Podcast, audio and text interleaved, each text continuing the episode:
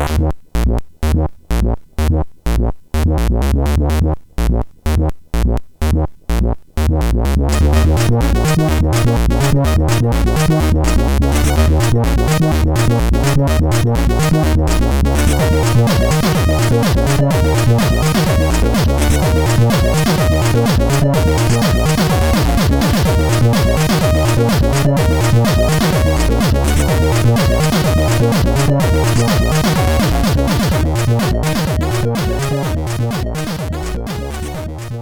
Sziasztok, ez itt a Checkpoint 7. évadának 17. adása. Hello, László!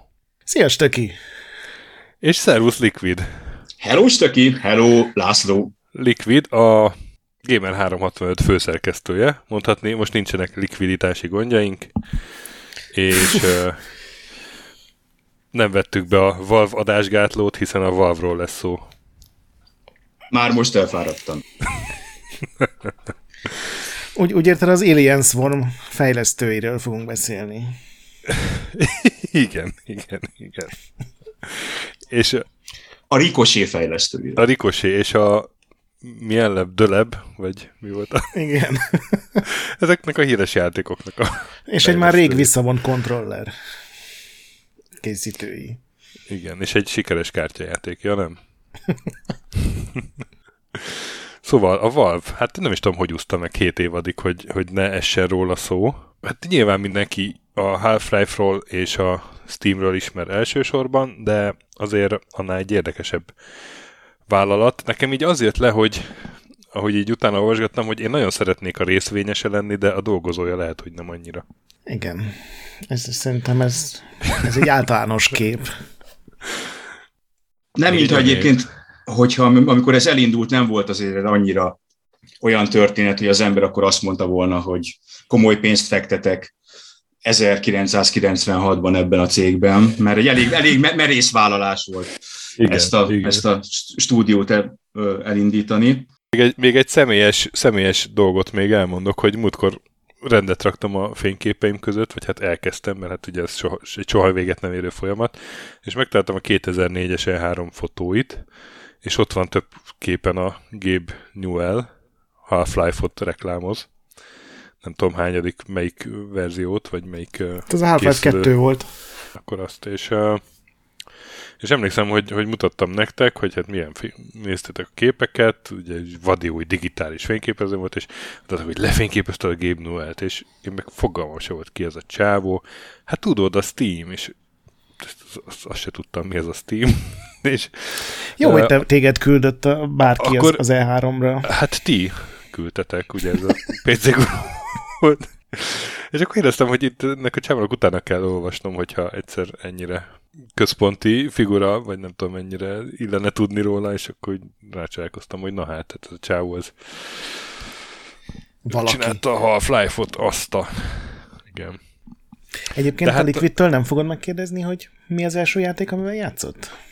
Képzeld el, hogy most akartam megkérdezni, teljesen magamtól, mielőtt, oh. uh, mielőtt erre emlékeztettél volna, hiszen nem is kellett emlékeztetni, hiszen ez amúgy is az eszemben volt. Uh-huh. Szóval, Jó szóval Liquid, minden vendégünktől megkezdjük, hogy mi volt a legelső videójátéka, Like Ever, amivel találkozott, és kis Gamer 365-ös pajtásait se úzták ezt meg, ugye Klári és Mackó, úgyhogy most rajtad a sor.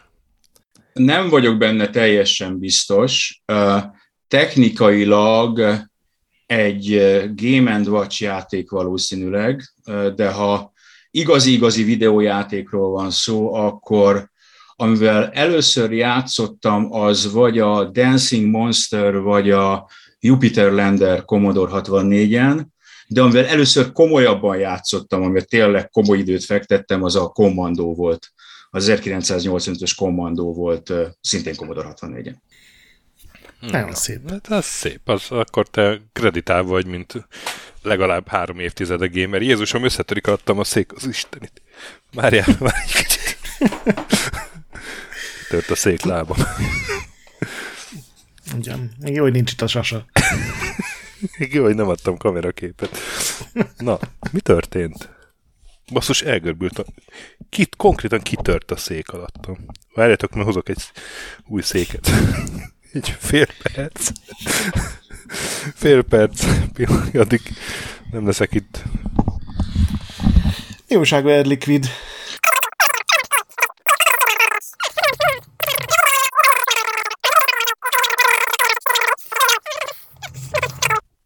Itt vagyok, hello.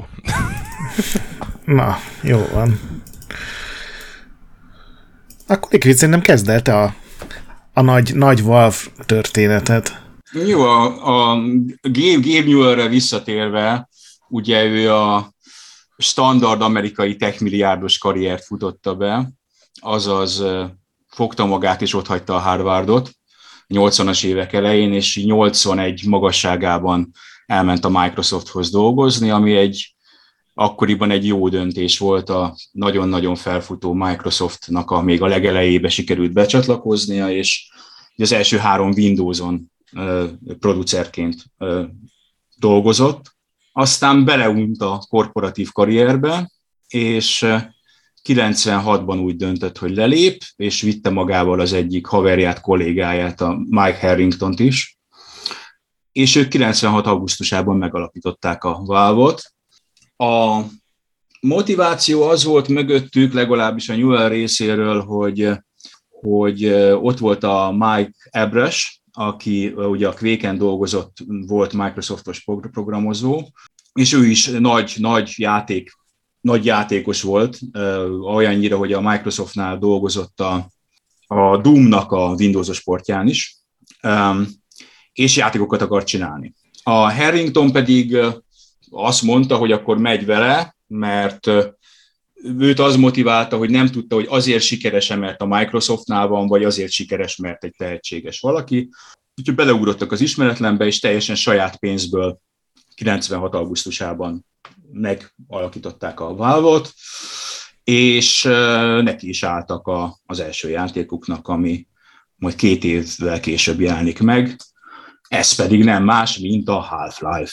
De, de addig, addig még ne, nem, nem, volt, nem volt feltétlenül egy sima utazás az, hogy amíg eljutottak idáig, de eljutottak, és ahogy mondani szokás, a többi történelem. Én azt szeretném kérdezni, hogy ugye a Microsoft-nál dolgozott akkor a jó, nem tudom, 13 évig azt hiszem, és ez a Harrington, ez egy tehát neki, neki nem volt azért annyira dicső múltja, mint neki, meg egy fiatalabb csábó volt, ugye egy Dynamics-nál volt programozó, hogy gondolom ott voltak azért még random emberek, akikkel összecimbizhetett volna egy cég alapítása, az, hogy, hogy miért pont ő lett a partnere?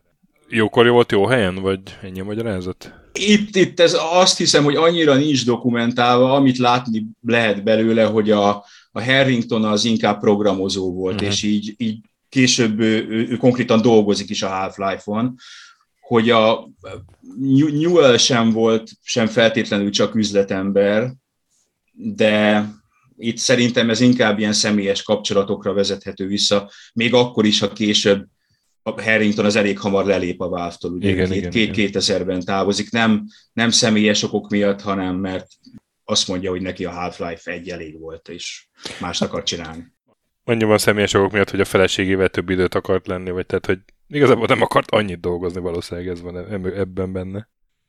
A Harrington a Windows NT-nek volt az egyik vezető programozója, így sok más mellett, úgyhogy akkor azon találkoztak, mert ugye a, a Newell meg mindenféle Windowsos projektekben volt benne, és csak egyszerűen összehaverkodtak. Szóval mind a ketten nagyon irigyelték az Ebrest, ahogy a Liquid is mondta, hogy, hogy elmehetett egy nem olyan korporét helyre, és van egy ilyen remek sztori is, hogy a, az Ebres meghívta őket az id Softwarehez Texasba, és lementek kocsival, és odafelé úton még így izgatottan beszéltek, hogy akkor mi lenne az első játékunk, hogyha esetleg belevágnánk valami ilyesmibe, és akkor kitalálták, hogy az első játékuk egy sci-fi tenger járó szimulátor lenne, mert az, az olyan kurva jó ötlet, és még ilyen nincs is sok a piacon.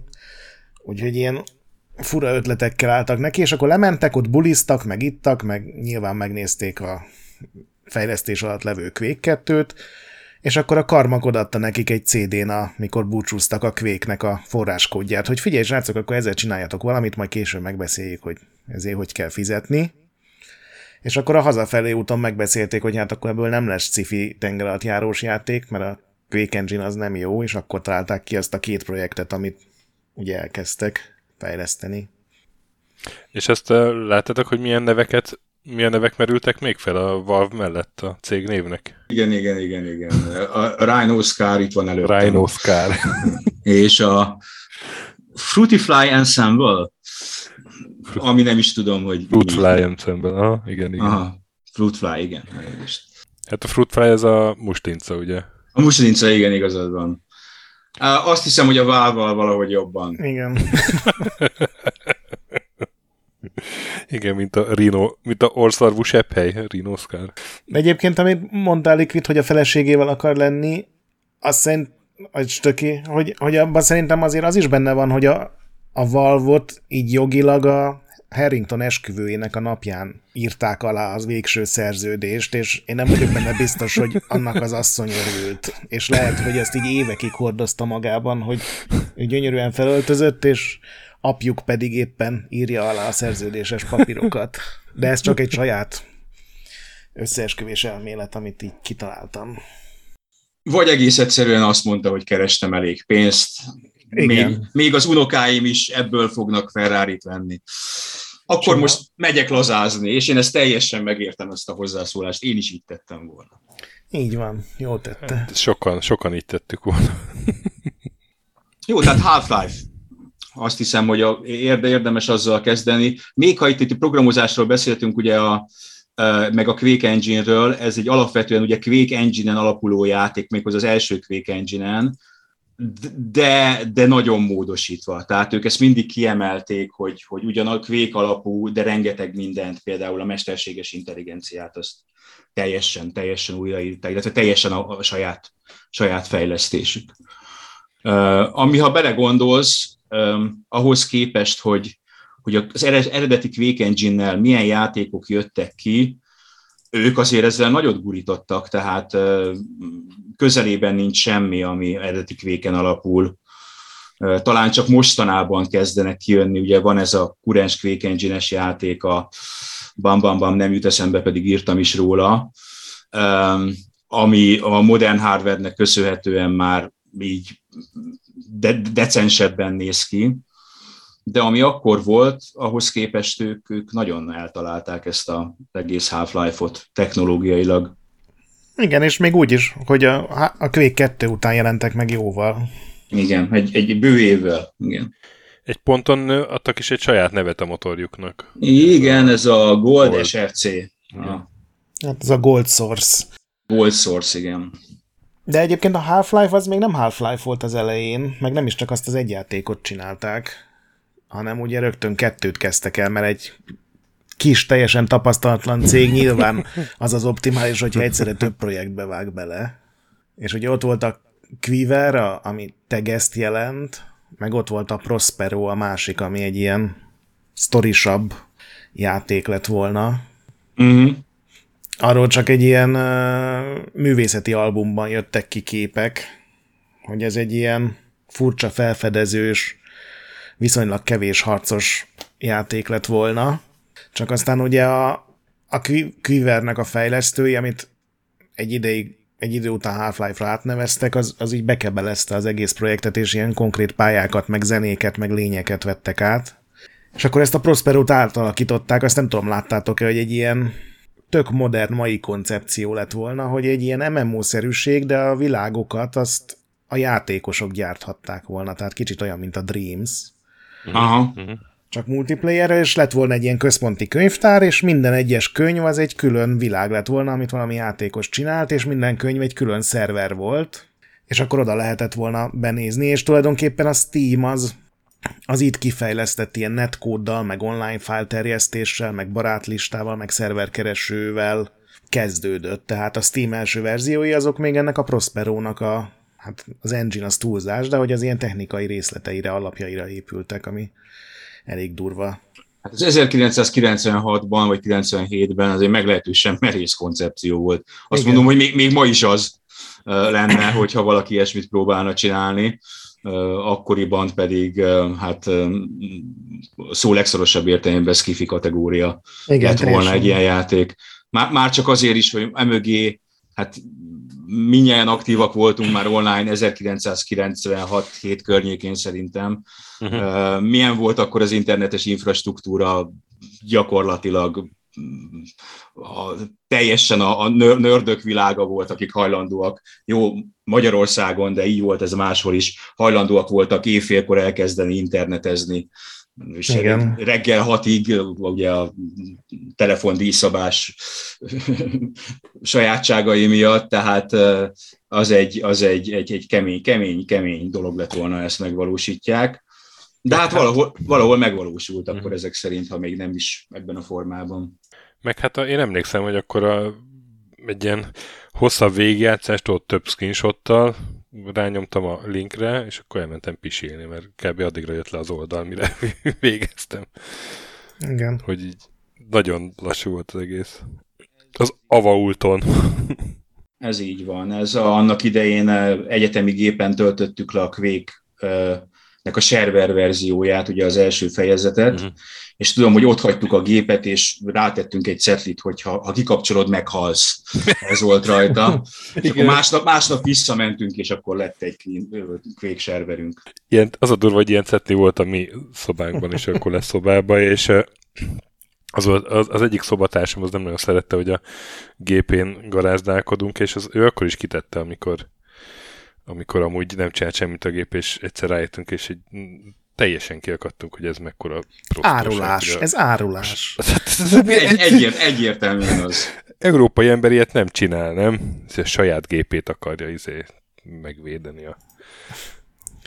A társaitól, a barátaitól, a szövetségeseitől. Micsoda pofátlanság. Gondolom megbüntettétek. Hát, elég büntetés volt neki, hogy a szobatársunk volt. Ez is igaz. no, igen, szóval a Half-Life, ami aztán, ahogy mondtad, 98 novemberében jött ki, de, ja, de még nem ott tartunk, hanem még, hogy hogyan lett ez a Prospero amennyire én így át tudtam olvasni, a legelső verziója ennek a Quivernek egy ilyen teljesen standard Quake Total Conversion volt, ahol a főhős, a játékos egy ilyen sima katonát alakít, és mindenféle random em, ilyen alienekre lő. Volt köztük ez a nagyfejű szürke, meg voltak ilyen kis szörnyetegek is, tehát ez az ilyen tipikus FPS, nagyon nem az, ahogy megjelent uh-huh. a játék. És aztán ez nem tetszett senkinek, és akkor jött a következő verzió, ami egy ilyen nyálkás... Vivette a biztosítékot? Nem. Nem. A, a következő Half-Life verzió az egy ilyen nyálkás és undorítóan vicces, ilyen poénosnak szánt játék volt. Ilyen modernen vicces fegyverekkel, mint a fekete lyukvető, meg le lehetett tépni az egyik ellenfélnek a csápjait, és azt ilyen savat lehetett vele spriccelni.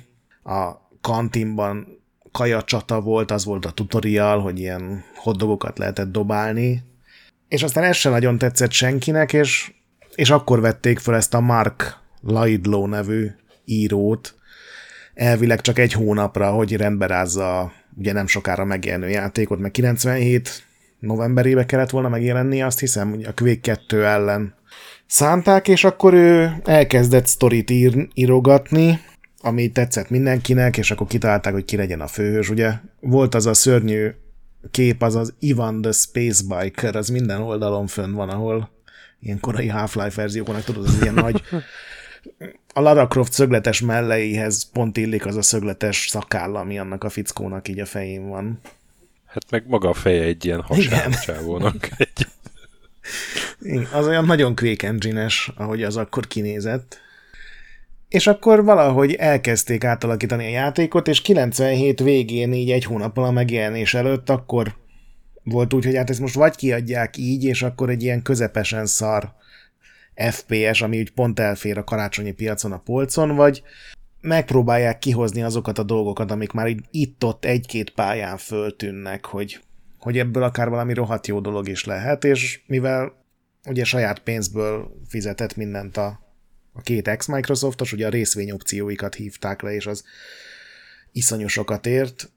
Úgy döntött a Gabe Newell meg a Mike Harrington, hogy akkor adjunk még egy évet neki, és, és akkor viszont csináljuk faszán a dolgokat. És ugye akkor jött az, az egész nagy átalakulás, ami amiben létrejött a, az általunk ismert Half-Life. Igen, és hát ez nagyon jó döntés volt. Azért azt lássuk be. Hát igen, de gondolom azért rá is faraghattak volna. igen. De hogy annyira nagy hatású volt, hogy, tehát, hogy a saját sikerén túl azért ezzel elkezdődött valami, hogy akkor, ugye ezt már korábbi adásokban mondtuk, hogy akkor kezdődtek olyan játékoknak a fejlesztései, vagy agyalás rajtuk, mint a Deus Ex, meg a többi. Tehát ami FPS nézetű volt, de több volt FPS-nél. Igen.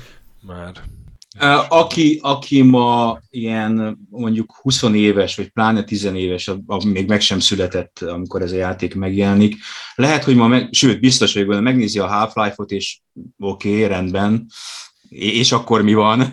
mi ez? Nem, nem feltétlenül azért, mert grafikailag elavult, és ugye van grafikailag felújított verziója is. Nagyon nehéz elmagyar, lenne elmagyarázni, nehéz lenne elmagyarázni egy, egy ilyen embernek azt, hogy, hogy ez, ez mennyire átütő volt annak idején.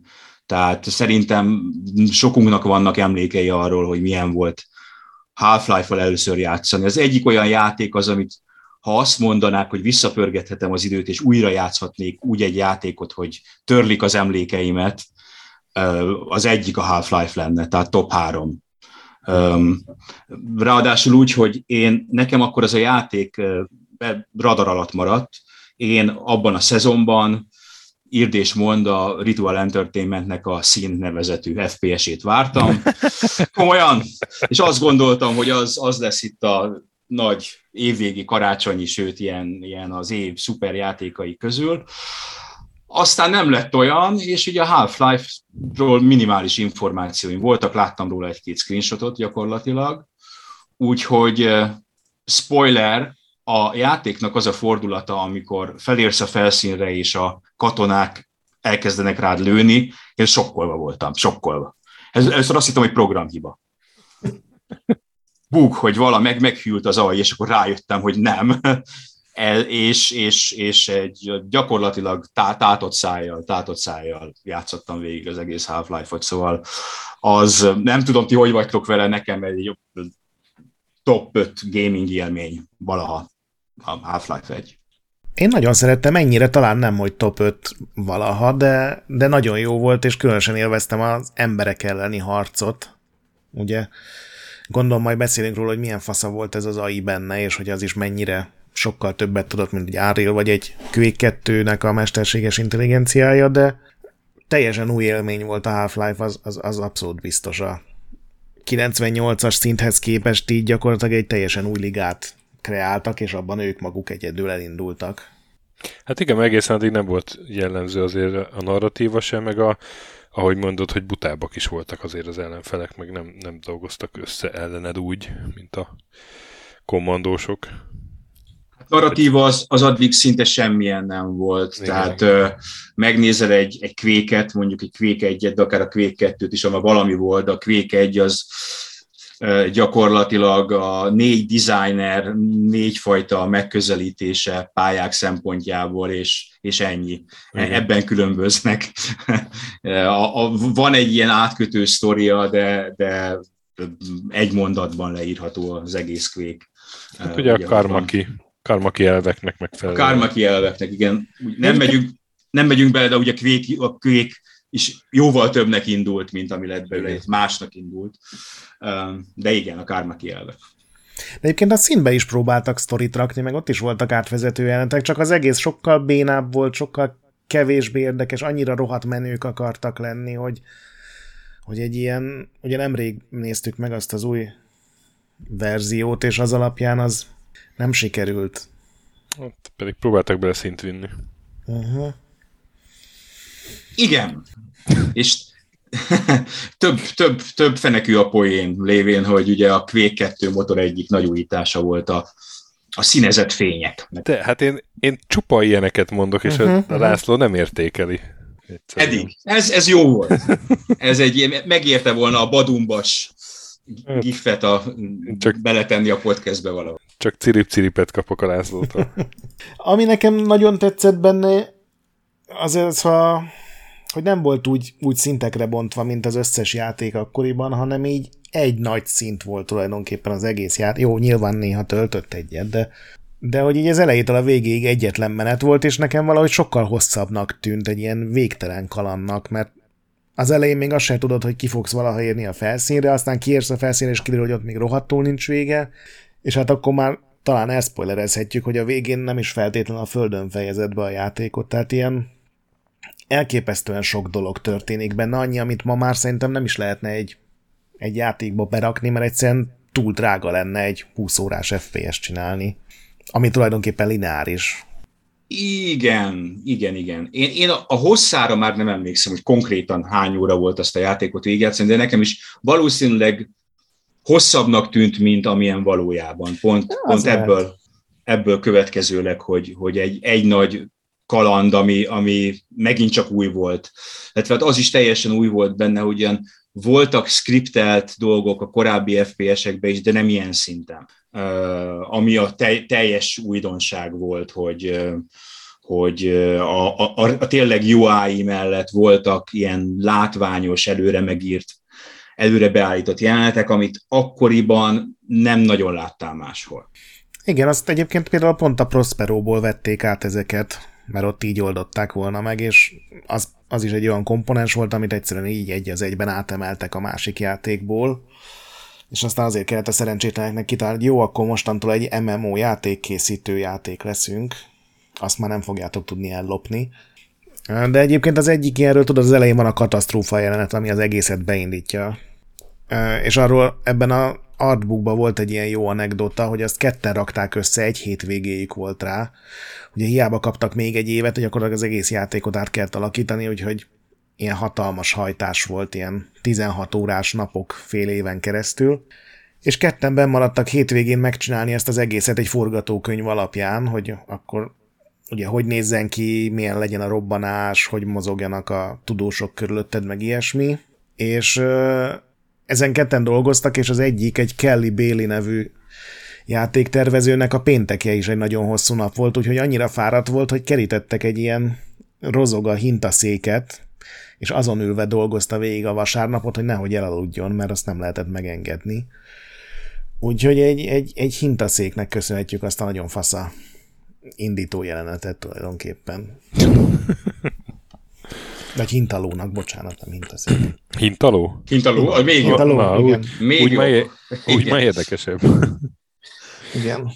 No, és uh, hát a fejlesztésről akkor ennyi elég, nem? Gret? Hát nem tudom, szerintem az például tök jó sztori, hogy két hónappal a megjelenés előtt elszállt a teljes fejlesztői környezet, és minden oh, elveszett. Nem is hallottam. Az a nem Visual Basic volt, vagy Visual, nem tudom, hogy hívják most, hanem Visual Safe Space, vagy valami, vagy Secure Space, vagy Secure Safe, valami ilyesmi rendszeren dolgoztak, ugye Microsoftos gyökerei voltak a cégnek, és csak azért tudott megjelenni végül a játék, mert a, a dolgozók saját gépeiről sikerült összevadászni a dolgokat, de pont ezért maradt benne a játékkórban egy csomó ilyen félkész, meg korábban kivágott részlet, amit ugye később a modderek kivág, ki, ki tudtak szedni, és ilyen teljesen furcsa dolgokat találnak a kódban, pont ezért, mert az már nem egy ilyen szépen karbantartott, letisztult kód volt, hanem egy ilyen kaotikus dolog, amit ilyen sír, síró rendszergazdák próbáltak összelapátolni.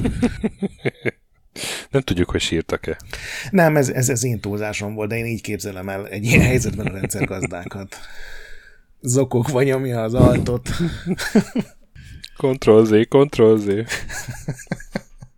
Jó, hát ezek a kisebb katasztrófák, aztán ugye fogunk róla beszélni, hogy a Half-Life 2 sem kerülik el, úgy látszik, hogy ez valve szükséges a, a jó játékhoz, hogy valami nagyon félre menjen. Ugye itt kezdődött ez a, ők kabalnak hívják ezt a dizájnolási formát, hogy, hogy egyrészt minden pályát egy külön csapat készített, tehát nem úgy volt, hogy vannak a pályaszerkesztők, és akkor elkezdik az első, vagy pályatervezők, és az első pályán elkezdik építeni a játékot, és így végighaladnak, hanem ugyanúgy csinálják, mint ahogy egyébként később a Grand Theft Auto 3-at is csinálták, hogy minden csapat kap egy pályát, és azt gyakorlatilag egymással versenyezve kell érdekesebbé tenni, meg izgalmasabbá tenni, és ezt az egészet egy ilyen hatfős horda fogta össze, És, és szerintem itt vannak a gyökerei annak, tudod, amikor későbbi diadalmasan bejelentették, hogy a Half-Life-ban mindenki, vagy a Valve-nál mindenki azon dolgozik, amit akar.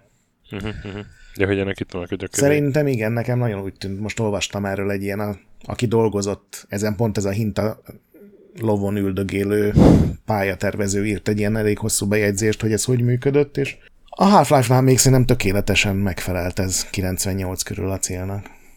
És akkor ők kabalbarátok voltak, ugye?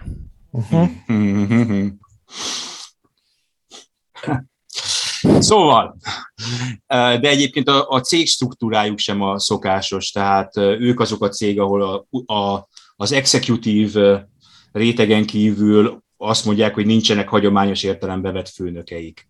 És ugye, amit te is mondtál, hogy állítólag mindenki oda megy, ahova akar, egészen addig, ameddig teljes felelősséget nem vállal azért, amit csinál, legyen az annak a sikere vagy kudarca.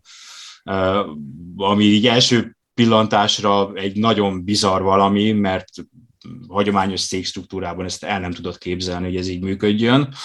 De működik, illetve hát a Newell szerint is bizonyos projekteknél működik, máshol meg nem. Igen, azért ex, ex alkalmazottak elmondása szerint ehhez egy bizonyos beállítottságúnak kell lenni, mert ebben a káoszban nagyon tenyésznek állítólag az ilyen belső politikai klikkek, most a politikát ilyen cégpolitikában kértem nyilván, és a láthatatlan szabályok, amiket az újonc könnyen átléphet, és azzal elvághatja magát, tehát egy csomó ilyen. És ugye minden a, a bónuszok és a személyes teljesítményhez vannak kötve, és ezért állítólag azért így eléggé nyomulós, meg átverős, meg hátba támadós tud lenni néha ez a környezet. Nem feltétlenül mindig, de ha viszont nem, ha viszont tényleg olyan, hogy, hogy ugye ezé nagy demokrácia van, akkor meg nem haladnak a dolgok, mert hogy akkor nincsen, aki döntést hozzon. Tehát, hogy ugye sok ilyen lelőtt projekthez az is hozzájárulhatott, hogy hát nem volt egy erős kezű főnök, aki egyik-másik projektet összefogta volna, hanem mindenki a másikra várt, mert hát demokrácia van. Hát meg, hogyha egyszerre van négy projekt, akkor mindenki úgy gondolja, hogy neki sokkal több pénz, meg figyelem, Igen. meg ember jutna, ha csak három projekt lenne, de még inkább, ha kettő, és ha egy lenne, na az lenne az igazán. Tudni feltéve, hogyha az az egy az enyém, és azért így nem tudom, nekem nem feltétlenül tűnik szimpatikusnak, de hát az tény, hogy meg, mega sikeres az a Valve, a Steam miatt, ugye főleg nem feltétlenül a játékai miatt mostanában. De igen, de... hogy nem a játékok miatt. Ja nem tudom, nekem alkalmazottként ez útlevélnek tűnik a Dili házba, tehát nagyon nehezen látnám magam egy ilyen struktúrában, ahol, ahol tényleg a, a egyik meghatározó elv az a káosz, és akkor most egyszerre dolgozik mindenki. Minden. Tény egyébként valamilyen szinten azért, nem is valamilyen szinten, azt mondom, hogy van minimum kettő zseniális játékuk, de inkább három. Mm. Um, amit nem sok stúdió mondhat el magáról, hogy, hogy ezt letették az asztalra, úgyhogy bármit is csinálnak, legalábbis részben működik, méghozzá nagyon működik. Igen, meg azokon kívül, mert szerintem nagyjából ugyanazokra gondolunk, még van három iszonyatosan népszerű online multiplayeres játékok, ami meg szintén a siker rubrikába tartozik. Na de vissza... Hát de, de azoknak a nagy részét azt így megvették csapatostul. Jó, de hát az... el, hogy Azóta eltelt 20 év. Nagy bevásárló volt a Valve azért egy időben. Igen, ezeknek elsősorban, a, majd fogunk róluk beszélni, én is abban látom az erejüket, hogy nem akkor, nem csak akkor voltak sikeresek, amikor megvették vagy átvették uh-huh. őket, hanem mai napig, tehát uh, majd fogunk ja, igen, beszélni. Ez mondjuk, ez mondjuk igaz. Elképesztő, hogy milyen hosszú életűek ezek a játékok. Na és hát a Half-Life-val akkor fel is kerültek a közmondásos térképre, és Hát az az, az az év legnagyobb siker, egyik legnagyobb siker lett. Nem tudom, hogy konkrétan abból fogyott el a legtöbb, de hogy, hogy ott nem nagyon rugott mellette labdába ilyen szín, meg hasonlók, az biztos. PC-n hatalmas siker volt. PC-n hatalmas siker volt. Hát előttem, értem, igen. előttem van egy szám, hogy 2000 nem, ez, ez a Half-Life 2 is. De a Half-Life is nagyon sikeres volt, mondjuk 98 az a videójáték történelem talán legerősebb éve játék megjelenések szempontjából, úgyhogy konkurencia mm. volt, nem feltétlenül PC-n, inkább konzolon. Én azt gondolom, hogy nem, nem ő volt a számszakilag az első, talán PC-n az volt, de, de egy ilyen kirobbanó siker volt. Mm-hmm. Szerintem PC-n simán lehet, mert én azt hiszem valami olvastam, hogy egy év alatt két és fél millió példányt adtak el, vagy 99 legvégéig két és fél millió példány, és az azért PC-n akkor nagyon jónak számított. Ma már nem tűnik annyira rettenetesen soknak, de, de akkor igen. Akkor ez egy ki, ki, kiugró szám volt. Úgyhogy a kiadó az folytatást, meg, meg küldetéslemezt, meg konzolportokat, meg mindent követelt. Igen, és ezt rögtön outsourcolták is ugye a Gearboxnak. Igen, ez szerintem egy tök jó döntés volt, függetlenül attól, hogy most mit gondolunk a Gearboxról, meg igen, a Randy Pitchfordról, de ez jól igen. sült el akkor. És akkor 99-ben ők kijött ugye tőlük a Opposing Force, 2001-ben meg a Blue Shift, meg a Decay. És ez eh, igazából ugyanazt a Half-Life story mutatta meg más oldalról, ugye? A, Igen. A Opposing Force meg a Blue Shift is. A Blue Shift volt ugye a, a biztonsági őrök, vagy nem? Igen. A Opposing Force ugye a, a szemben álló kommandósok. A Decay az, arról tudom, hogy nemrég beszéltünk. Az tudósos, kooperatívos. Az a, ja, igen, igen, igen. Utóbbi nálam kimaradt. Az Tud, nálam is. Tudtam róla, hogy van, de... Hát nem. az ugye csak a Playstation-os sportban volt, az nem jelent meg akkor, PC-re. Akkor azért maradt ki. Jó, jó, jó magyarázat arra, hogy miért maradt ki. És ekkor kezdődött az is, hogy, hogy nagyon jó érzékkel felvették a kapcsolatot a modderekkel, és őt vettek is ilyen modder csapatokat és az elsőt azt, azt 98-ban már ez a TF Software, ami a, a Team Fortress nevű Quake modot csinálta, és őket akvirálták, és megkérték, hogy akkor a Gold e- Source motorral csinálják meg szintén, és akkor ez 99-ben ki is jött, ugye az első Team Fortress, mint termék, nem mint mod. Igen, de egyébként ez a mod vagy moddereknek a támogatása, ez már a legelejétől ott volt, ugye azt hiszem 28 em voltak, amikor megjelent a Half-Life, és abból legalább 15 ember az Quake modder volt. Igen, meg pályatervező hát a... már az első perctől kezdve. Igen, hát ez nyilván már a kvékes közösségből jött, vagy a, ugye a Quake motorral együtt valamennyire. Igen, akkor ez egy valid karrier út volt egyébként, hogy modokat csinálsz Quakehez, és Igen. utána átmész, te, tele voltak a korfejlesztő csapatai akár a előbb már emlegetett rituáról, akár a Romeroék Ion Stormjáról, amik szintén modderekből építkeztek, és itt is hát a, mondja, hogy a csapat fele az gyakorlatilag modder háttérrel rendelkezett. Igen, és a, a Team Fortress az ugye nagyot szólt, az egy ilyen, az nem az a Team Fortress volt, mint ami most ugye a Team Fortress 2, hanem egy ilyen ízig mhm. végig, végig military csapat dolog, és, és 99-ben jelent meg egy Counter-Strike nevű mod Half-Life alá. Soha nem hallottam róla. Ami én akkor szerettem, én akkor sokat játszottunk Lanon. Még emlékszem, még, még az 1.0 előtti verziókkal is. Uh-huh. Én viszonylag későn, későn, én már, már bőven 1.0 fölött volt, amikor én komolyabban játszottam vele, de igen, tehát ott az, az, az megint csak egy, eh, nem azt mondom, hogy annyira, de akár mondhatni is, hogy, hogy, hogy megint multiplayerben hozott egy, egy, egy teljesen más dolgot, amit addig nem igazán láttál.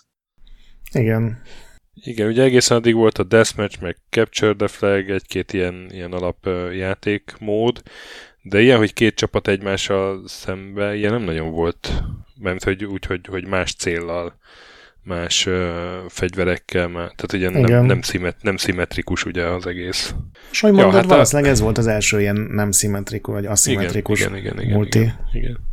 Én is később egyébként egy, egy, egy pont hatossal játszottam, az már szerintem elég későn volt. Az a, a aranystandard, az egy pont az. Az, igen, igen. Az, amikor az Indexhez kerültem 2006-ban, akkor ott nagy, éppen Quake 3-at letették, és elkezdtek counter és akkor megjött a Kodiak videóvágónak, és hát akkor nyilván a Kodiak az, az csinált ilyet, hogy, Quake, hogy indexes csapat volt, én túl béna voltam, úgyhogy nem kerültem bele, de akik bekerültek, azokat edzette ilyen versenyre a Kodiak, és amúgy meg hát minden délután nagyon toltuk egymás ellen, és uh, hát a Kodiak csak késsel játszhatott meg. Nem, csak késsel és, csak késsel és pisztolya, tehát ő más fegyvert nem használta, de a pisztolyt azt ritkán használta, általában késelt minket. És kb. így volt kiegyenlített a, a dolog. Úgyhogy az, az nekem egy nagyon jó élmény volt, annak ellenére, hogy én, én amúgy nagyon nem vagyok egy ilyen multis, multibeállítottságú ember, de, de ott valahogy adva volt a közösség, és nagyon működött ez a motor is, és kicsit függő is lettem, emlékszem. És az volt az egyetlen alkalom, amikor én, én megpróbáltam úgy igazán komolyan vadidegenekkel multizni, és kerestem szervereket, ahol én német 12 évesek elküldtek az anyámba, meg ilyenek. Úgyhogy szép idők. ja. Egyébként nagyon durva, hogy ezt ugye két srác fejlesztette, Minley és Jess Cliff. Ők soha életükben nem találkoztak előtte, csak a Valve-nál, amikor ugye mind a kettejüket fölvették, és az egyikük az még gimnáziumba járt, amikor a Valve megkereste őket, hogy figyelj, akkor lenne itt egy állás neked az ország másik oldalán. Azért ez egy elég durva váltás valakinek az életében. Jó, jó volt ez a Counter-Strike. Találtam egy sztorit erről, hogy amikor megjelent a Beta 6, akkor Floridában egy fiatal srác föltöltötte a webszolgáltatójának a tárhelyére az install fájlt, hogy a haverjai majd onnan töltik le, viszont valamelyik haverja kirakta valami fórumba, hogy figyelj, innen is le tudjátok tölteni, és lehalt az egész internet szolgáltató. És eddig még csak ilyen kicsit szórakoztató anekdota, de képzeld el, az internet szolgáltató beperelte a szerencsétlen srácot, hogy meghekkelte őket, ami nyilván nem igaz, viszont a bíró, mivel nem tudta, hogy mi az, nem hogy hozzá. Counter-Strike, meg mi az, hogy hekkelés, két évre javítóintézetbe küldték szerencsétlen gyereket, Úristen. aki fölmásolta az install fájt a, a legális tárhelyre, amit a szarszolgáltató nem tudott elviselni, tehát a szerverpark. Szóval ez ilyen kegyetlen világ. Counter-Strike öl butit és nyomorba dönt. Igen, és hát ahogy mondtad, ugye az alkotókat is fel, megkérték, vagy hát alkalmazottak lettek. Igen, felvették még, őket dolgozni. Még, még mindig azok-e. És aztán a, a Valve az pedig ugye a Half-Life 2-n kezdett dolgozni, ugye nem a kiegészítőkön, plusz már az a párhuzamosan a Steam-en is. Ugye a 2000-es évek elején járunk már. Igen, hát a Steam az eredetileg Counter-Strike patchelő szolgáltatásnak született meg, mert volt olyan időszak, hogy a Counter-Strike-hoz így hetente több patch jött, és ugye nagyon nehéz volt azt elérni, hogy a központi szerver nélkül mindenki ugyanazon a verziószámon legyen, és mi van akkor, mm. hogyha különböző verziószámok találkoznak, és a Steam az eredetileg tényleg csak arra indult, hogy ilyen picike patch méretű fájlokat elküldjenek, tehát amikor te Counter-Strike-oztál, azt hiszem 2002 óta volt kötelező, vagy 2003, akkor be kellett jelentkezni Steamre, ami akkor még nem bolt volt, meg nem tudtál a haverjaiddal csetelni, meg nem tudom kártyákat gyűjteni, hanem kizárólag arra volt hasznos, hogy a Counter-Strike verziódat azt mindig a legújabban tartotta. Ez is rég volt, hogy a Steam az így működött. Készül a Half-Life 2 ugye szépen csendben, illetve azért annyira nem is szépen csendben, mert az Half-Life egy sikere után nagyon-nagyon sokan várták azt, hogy mikor jön a folytatás, és ennek eredetileg 2003 őszén meg kellett volna jelennie. Olyannyira, hogy, hogy úgy is volt, hogy megjelenik nagyon sokáig, sőt, így rémlik valami, mintha valamelyik videókártyagyártó vagy chipgyártó már egy ilyen premier bulit is megtartott volna neki, annak idején, tehát konkrétan lezajlott a buli, és, és aztán kiderült, hogy, hogy nem jelenik meg, méghozzá azért, és ez volt a hivatalos indoklás, mert a valve most valójában, ez egy, egy valódi hacker valóban meghekkelte őket, és gyakorlatilag a játék akkori verzióját, illetve a hozzátartozó asszetek nagy részét ellopta erre hivatkozva csúsztatják a játékot, hát egy, gyakorlatilag egy teljes évvel.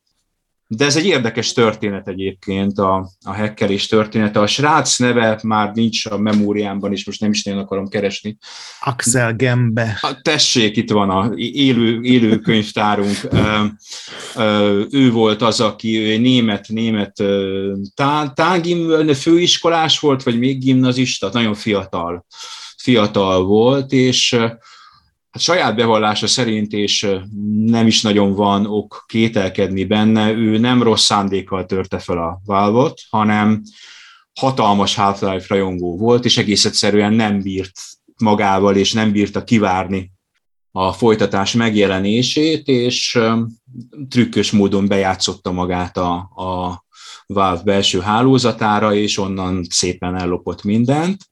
Aztán megtalálják, ő írt e-mailt. Ő, ő, írt, ő írt e-mailt a Gabe Newellnek, hogy igen, ezt és ezt ő, ő csinálta, és Newellék megpróbálják Amerikába csalni állásinterjúra, ha jól emlékszem, és menne is, de szerencsére még mielőtt Amerikába kerülne, ahol valószínűleg rendőrök vagy az FBI várta volna a reptéren, a német rendőrség lecsap rá, tehát így ez a klasszikus reggel kommandósok törik rám az ajtót történet. Beviszik, és, és mondják neki, hogy nagy szerencséje volt, hogy ők találták meg először, mert Amerikában más elbánásban részesült volna. És végül is, ha jól emlékszem, viszonylag megúszta, mert felfüggesztettet, felfüggesztettet kapott, kapott, igen, mert hogy a bíró értékelte azt, hogy időközben ő mindent megbánt, numero egy, numero kettő pedig, ha jól tudom, már elkezdte képezni magát egy klasszikus programozói nem hacker vonalon, tehát úgymond idézőjelbe jó útra tért. Hát a hivatalos indoklásban az is benne van, hogy arra tekintette, hogy nagyon szegény családja volt gyerekkorában, szóval azért ebben van bullshit is. Nyilvánvalóan van némi bullshit, nem tudom, hogy mennyire, kell, mennyire lehetett akkoriban német, de aztán lehet, hogy nagyon szegény család volt, nem tudom. Hát csak nagyon sok szegény családból származó ember van, aki aztán nem tölt le legalább három különböző malware szoftvert azért, hogy meghekkelje a kedvenc játékkiadóját, és aztán felrakja a forráskódot az internetre. Nagyon kíváncsi volt. nem bírt magával. Egyébként állítólag máig azt mondja, hogy nem ő rakta föl, csak odaadta egy csomó embernek, és valamelyik fölrakta. Igen, igen, azt, azt tagadta ő, igen, ez volt a védekezése, hogy, hogy ő azt csak jó szándékúan a haverok között terjesztette, és valaki felrakta az ő tudomása nélkül. Minden esetre jól megúszta, ha elér Amerikába lehet, hogy nem azt mondom, hogy a mai napig ül, de ott biztos nem lettek volna ennyire elnézőek vele szemben.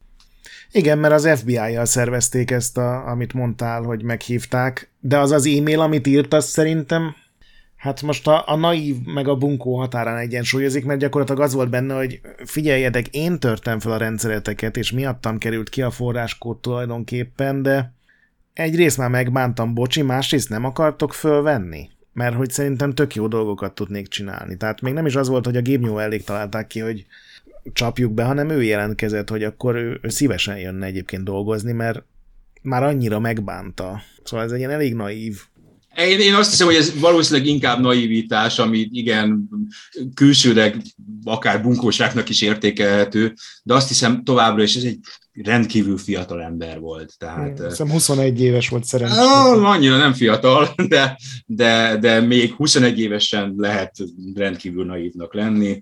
Túl sok amerikai sorozatot nézett, és úgy gondolta, hogy lehet be, tud futni ilyen karriert, ahol a hack, hackerből lesz a ciberkopó, fogalmam sincs. Mind, mind esetre egy felfüggesztettel megúszta, és a játék végül is megjelent, ugyanakkor a, az, hogy mindent ellopott, vagy legalábbis nagyon sok mindent ellopott és kitett, azért viszonylag nyilvánvaló volt, hogy ez a játék 2013 őszén nagyon nem volt készen. 2003, de igen. 2003 elnézést, igen, igen, igen. 2003 őszén nem volt készen. Tehát valószínűleg így is úgy is csúszott volna, és ez egy jó ok volt arra, hogy rámutassanak, hogy gonosz hacker, és most ezért. Hát 2004-ben, májusban a Game Newell-nek ki kellett rakni egy ilyen nyilvános levelet, hogy, hogy igazából tényleg nem azért csúszott a játék, mert ellopták a forráskódot, hanem meg nem is a per miatt, mert ha emlékszel, akkor éppen a saját kiadójukkal pereskedtek. Igen, igen, igen. igen. Pontosan a, a Steam miatt, hogy ugye kellett a Steam a Half-Life futtatásához, igen. igen, installálásához, és hogy ez, ez, ez jó dolog-e, vagy nem jó dolog a hagyományos kiadónak hanem hogy tényleg azért, mert nem volt kész, és ugye, ha jól emlékszem, az első dolog, amit összetudtak így kalapálni és kiraktak ebből az ellopott forráskód részletből, az az E3-as demo volt, a 2003 E3-as demo, amit ami egy ilyen elképesztően látványos dolog volt, nem tudom, emlékeztek-e rá, de abban volt, hogy a, berúgta az ajtót a katona, meg két oldalról támadtak, és ilyen fantasztikus jelenetek, és aztán kiderült, hogy abban minden az utolsó szögig skriptelve volt, még a fizika is, amit elvileg tudnia kellett a motornak, de az is script volt, hogy hogy essen össze az ajtó, És ezen ugye rohadt sokan fölháborodtak, hogy hát ez egy átverés az egész, hát ez nem is hogy képzelték, és ezt manapság még véletlenül sem csinálja senki. Szerencsére ebből tanult a világ, és ez volt az utolsó eset, hogy egy... Soha nem csinálja az út. Ezek az E3-as demók mindig teljesen, teljesen a, való, a valós kódon és valós környezetben futnak. Igen. Nem nyúlnak hozzájuk. Szerencsére más lett a világ. És Igen, a Bioshock az... Infinite demójáról sem derült ki ugyanez aztán ja. az E3 után pár Igen. nappal. Nem beszélve a Cyberpunkról, ők is teljesen őszinték voltak az E3-as demójuk. És utána is. Vagy a kedvencem, ugye az Aliens játék. Ó, a, igen, igen. A, a legjobb, a legőszintébb brigád a világon. Colonial Marines. Colonial Marines, így van. Ők, ők egy az egybe azt kaptuk, amit, amire számítottunk. De a, a, Ubiék is jereskednek az ilyen klassz E3-os demókban, őket is nagyon szeretem.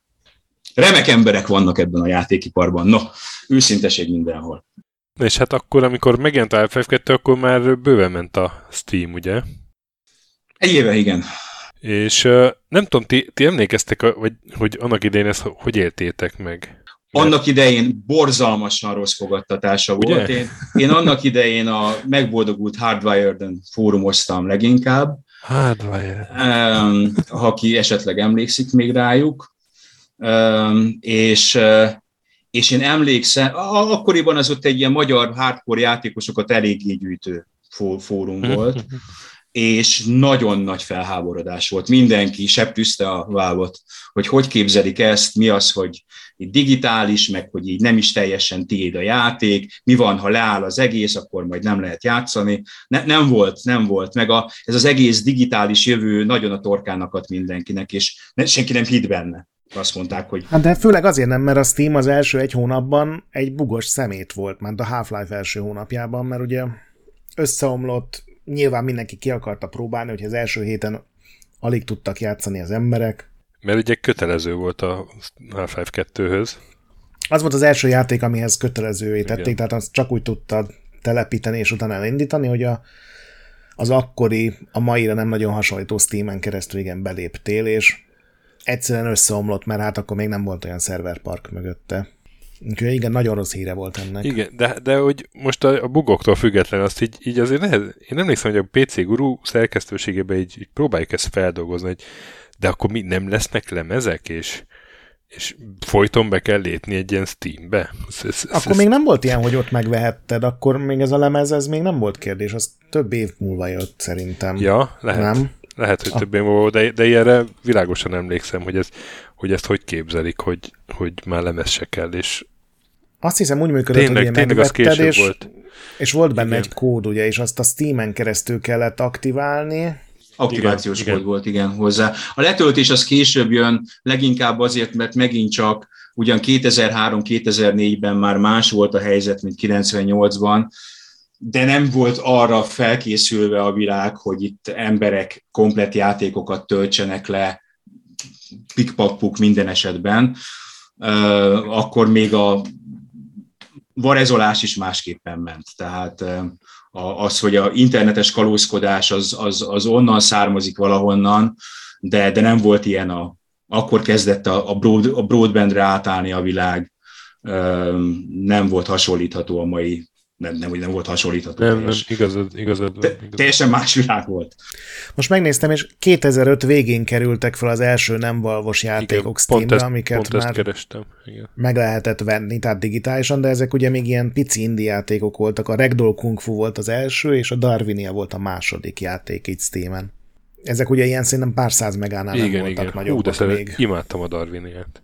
És ugye a Half-Life 2 nekem az volt egy ilyen óriási élmény. Nem akkor, amikor először végigjátszottam, mert emlékszem, az úgy volt, hogy a PC gurunak el kellett tolnunk a leadását, hogy még beleférjen a játékra Ó, a teszt. a híres.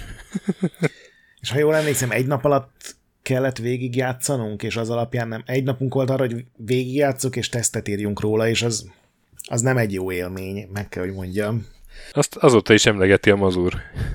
Igen, hát ott a Hancóval meg a Sasával így hárman elkezdtünk játszani, azért, hogy ugye bármikor elakadnánk, akkor valaki már csak előbb van, és megmondja, hogy mit kell csinálni. De hát én annak a napján, napnak a végére én megutáltam a Half-Life 2-t, de aztán nyilván végigjátszottam. és nagyon jó ját, nagyon jól össze van rakva, és jó vele játszani. Nem tartom ezt sem tökéletesnek, de nagyon jó FPS volt, és szerintem tök jó gondolták tovább az első Half-Life-nak a dolgait. Igen, a, a Half-Life 2, ha a Half-Life egy sok tekintetben revolúció, akkor ez inkább evolúció. De, de szinte minden elemében evolúció. Igen. Tehát az összes Half-Life 1-es játékelemet megcsinálja csak jobban. Minden jobb benne. A gameplay jobb benne, a fizika az teljesen új benne. Jaj, hát a fizika, igen. Ami, ami ugyan megint csak volt fizika korábbi játékokban is, de nem ilyen szinten. Tehát ez egy új emelet volt a, a játékmenetbe beemelt fizika tekintetében. És tudom, nekem, ami a Half-Life 2-ben talán jobban tetszik, mint a Half-Life 1-ben, az a hangulata. Tehát nagyon eltalálták azt a világot. Nagyon eltalálták azt a, az, az egész világot. A, Jó lát neki, hogy egy ilyen, így, így a, a skifiktől kicsit az ilyen disztópiák felé mozdult el. De melyik Igen. tetszik jobban neked, Liquid, az egy vagy a kettő hangulat? A, a, a hangulatot, tekint, hangulatot tekintve a kettő. Ja, Tehát van ebben ebben a, a disztópikus, meg ebben az egész ilyen kelet-európai környezet, és ezt nagyon következetesen végigviszik. Még az is, hogy, hogy ősz van a játékban. Szerintem az is hozzájárul, hogy tényleg én a hangokat imádom benne, az ellenségeknek a hangjai annyira fantasztikusak, ahogy ilyen digitalizálva, eltorzítva beszélnek, meg nem tudom, szerintem annak a játéknak vannak a legikonikusabb hangjai számomra. És a zenéje az meg egy olyan dolog, amit cikkírás közben azóta használok. Most már 17 éve. Nem, Half-Life nagyon rendben van, tehát azt mondom, hogy méltó folytatás minden tekintetben. Úgyhogy az, ami gyakran ezek a, a nagy folytatások gyakran csalódást okoznak, és ez abszolút úgy álltam fel mellőle, hogy oké. Okay. Szerintem ezért nincsen azóta sem Half-Life 3 egyébként pont emiatt az ok miatt, hogy még egyszer ezt ugyanígy szerintem nem tudták kitalálni, hogy hogy tudják ugyanígy felülmúlni sok tekintetben. Még akár úgy is, hogy csak evolúció, nem is forradalom. Hát ugye aztán utána, ugye ez is egy óriási siker lett, azt, az azért hangozom Igen. el, hogy, hogy én ilyet találtam, hogy 2011-re, ami ami, amikor azért már megjelent ugye az Orange Box is, abban is benne volt ilyen, az egy nagyon jó gyűjtemény volt, nekem úgy volt meg. 12 millió példányba kelt el. Hát és azóta szerintem már mindenkihez hozzávágják ja. három fillérért. és emlékszem, abban volt egy ilyen achievement, azt hiszem, hogy, hogy egyetlen pisztolylövéssel csinálod végig a játékot. Nem, Tehát, az, az epizód egy voltam. A, az epizód egy volt? Ja, az a hangyás rész, és azt megcsináltam, mert volt az a leírás, hogy mit kell kilőni, mi És ugye azt a legelején, a legelején el is használod, hogy valami lakatot lelőjél. Igen, vagy, igen. Ja. igen, igen, mert hát utána átálltak a, a, erre az epizódikus modellre, hogy akkor sűrűbben hoznak az... ki rövidebb uh, ilyen játékrészeket. És nagyon akkor... sok idézőjelet azért kiraknék ebben hát, a mondatban. Nyilván, nyilván. nyilván tudjuk mind. De hát azért mégiscsak kijött az epizód van, meg az epizód 2 2006-ban és 2007-ben. Aztán... Még szintén jó játékok. Igen. Egyébként. Tehát uh, megint csak ott a minőséggel nem volt probléma, meg tulajdonképpen már a megjelenés gyakoriságával sem, mert, mert tényleg lehozták egy évre a fejlesztési időt. Akkor van gond, hogy a számon kérnél ígéreteket megjelenési dátumokra. Igen. A Valve-tól akkor gond van, de... Igen, igen, igen, igen. Na de pont, pont ezek az évek, 2006-2007 volt az, amikor tök termékeny volt a Valve. Ugye a, a portál is valamikor ilyenkor jelent meg, nem? 2006-7, az is... 2007, a 2007, Orange box együtt. És a Team Fortress 2 is. Ugye, szintén Orange Box. Ami szintén 2007. Még a Half-Life 2 fejlesztésről találtam két jó sztorit. Egyrészt... Ja, nyugodtan. Egyrészt azt, hogy ugye van ez a, ez a művészeti album, amit a Half-Life 2 elkészülése után, de még megjelenése előtt írtak. És egyrészt ez alapján legalább három játékra való sztori meg pályaterv készült. Iszonyatosan sok dolgot nem csináltak meg, tehát megmaradt papíron vagy kivágtak. És ellenfélből meg szerintem legalább tíz játékot ki lehetne rakni, ilyen tök jó szörnyek voltak, olyanok is, amiket így, így komolyan más játékban azt mondanád, hogy ez a legfaszább szörny, nem meg simán kihagyták. Például volt egy ilyen páncélozott kullancszerűség, ami a hullákba petézett, és úgy parazitákat gyártott. Uh.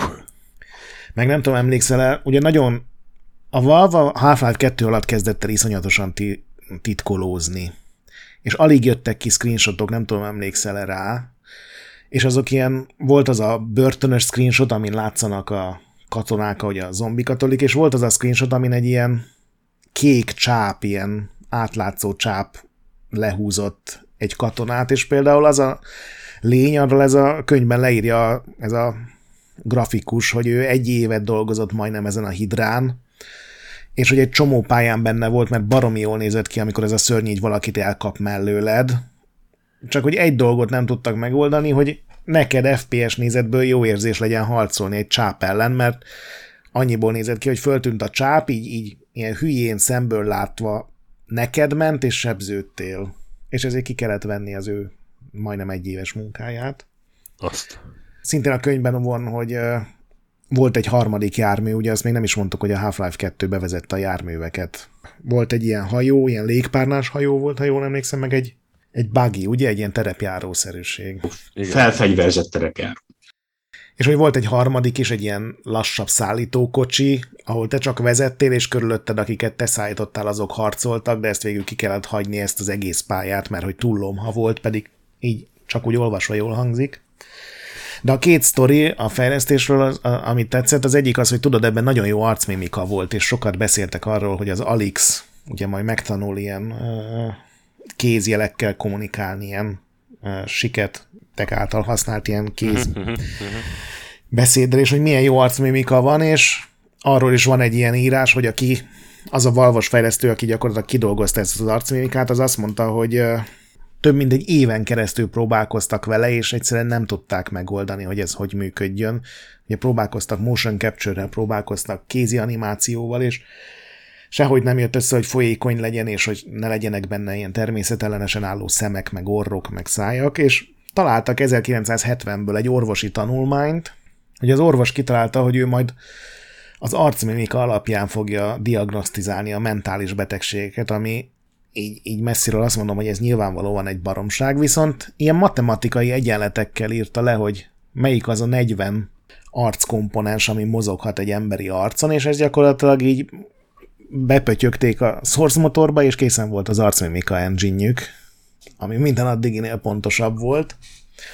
A másik pedig ugye, hogy volt ez a Viktor Antonov nevű Franciaországban élő, de orosz származású, vagy ukrán, nem tudom, ilyen grafikus, és hogy őt vették föl, hogy a City 17-nek, meg úgy általában az egész játéknak megszabja a grafikai stílusát, és valamiért utálta Prágát, úgyhogy Prágán kívül az összes kelet-európai fővárost így végigfotózták, és a legtöbb helyszínről a fotó, amit használtak, az végül Bulgáriában készült, de tudod, egy vonatállomásra érsz be a játék legelején, én elég szürreális jelenetben. És az a, az a vonatállomás így gyakorlatilag a megjelenés előtti öt, hónapig a nyugati pályaudvar volt.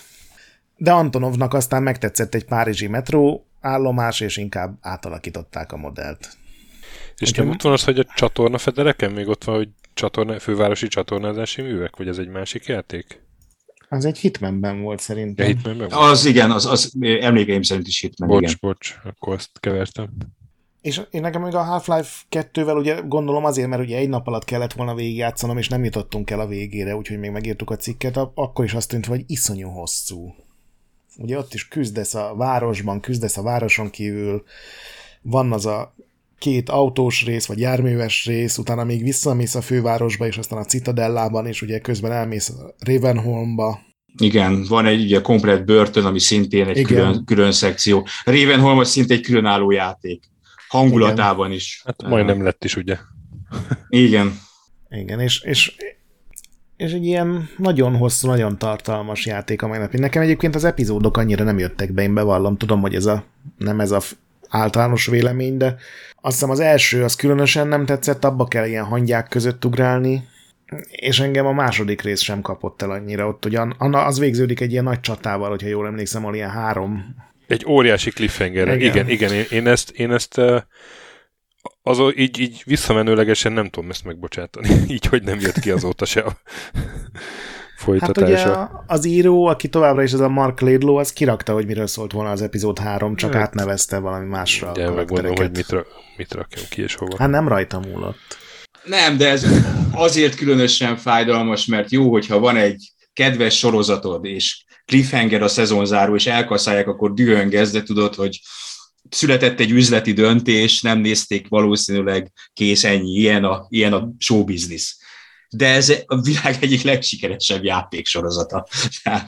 Igen, és be volt jelentve, hogy három kiegészítő lesz. És Igen. Tehát azt hiszem, igen, 2008-ból találtam, bocsánat, egy idézetet, ahol Doug Lombardi, ugye a Valve-nak a szóvivője közölte, hogy az epizód 3 fejlesztése el fog húzódni, mert sokkal nagyobbnak ígérkezik, mint az előző két epizód, de hogy az epizód 3 lesz a Half-Life széria végérvényes és teljes lezárása.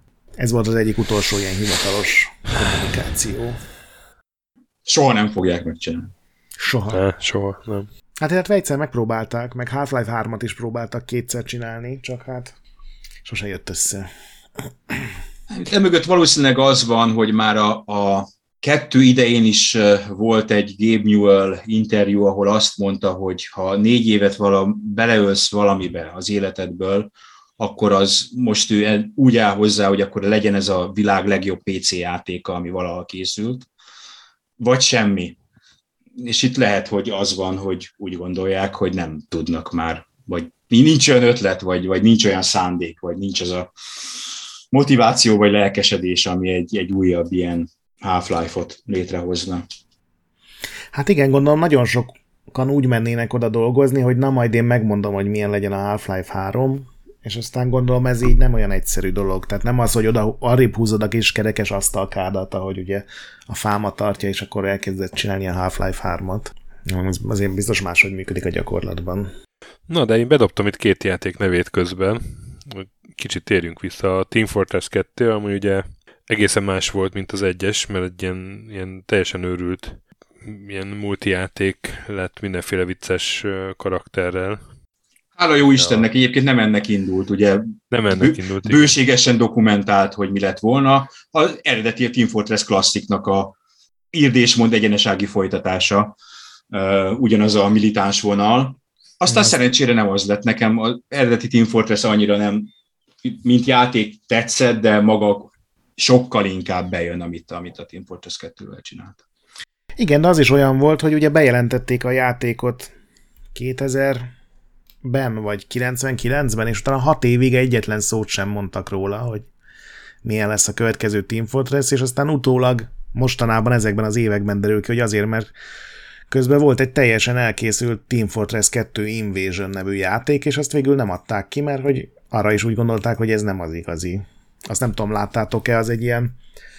Annak is két verziója volt, az egyikben a római kori légióknak kellett küzdenie idegenekkel, aztán az egészet átrakták a jövőbe, és akkor ott ilyen futurisztikus fegyverekkel kellett küzdeni, és nagyon ronda, nagyon szürke, nagyon barna, ilyen, ilyen tipikus 2000-es éveknek, ez az ilyen Xbox 360-on volt nagyon sok ilyen unalmas színű játék, és ez is annak tűnik, és aztán körülbelül másfél év alatt megcsinálták belőle ezt a rajzfilmes cuccot, amit meg szerintem mindenkit elvarázsolt.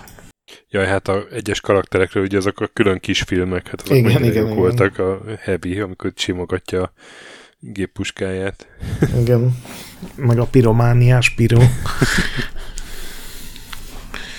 ja, az jó volt annak idén a, nem tudom, hogy már Gamescom-e volt, tehát már Kölnbe volt-e, vagy még Lipcsében, amikor ezt ott mutogatták, a Team Fortress 2-t, az egyik legjobb előadás, amit ilyen játékeseményen hallottam, az a, a, a grafikai dizájnjáról volt a Team Fortress 2-nek, hogy hogyan találták ki a karaktereket, és hogy először a sziluettjüket tervezték meg, és, és a sziluettből indult ki minden.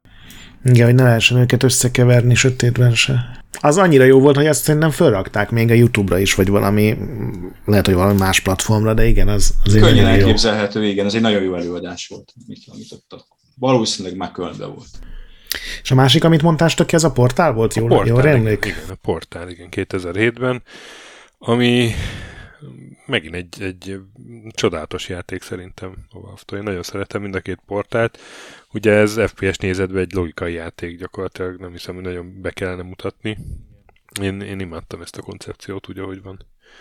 Ugye gyakorlatilag a fizikával játszott, játszanak egy egész másik műfajban, meg hát ezzel a két portállal. Igen, és ugye ez, azt szerintem nagyon sokan tudják, hogy ez egy ilyen uh, játék, igen, egy, gyakorlatilag egy vizsgamunka volt ez a Narba Cooler Drop, és így kiadták, és az egész világon senkit nem érdekelt, kivéve a Gabe newell akinek valamiért megtetszett, és személyesen leigazolta, azt hiszem hárman voltak, akik ezt csinálták, és azt mondta nekik, hogy figyelj, itt van körülbelül végtelen büdzsé, meg annyi fejlesztem, mennyit akartok, csináljátok meg, hogy kurva jó legyen, és két év alatt ebből lett a portál.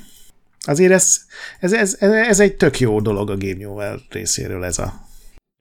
Igen, igen, és hát ugye az, az a, tehát ez, ez mémesedett a maga a narancsárga meg a kék portál, ugye az egy csomó játékban így iszterekként visszaköszön, meg képregényekben, hát meg, a torta. meg, meg, hát meg a torta persze, szóval hogy, hogy ennek is volt egy ilyen kis hatása, ami még, még néha így ma is vannak ilyen portálos kikacsintások egyik-másik ilyen popkulturális termékben.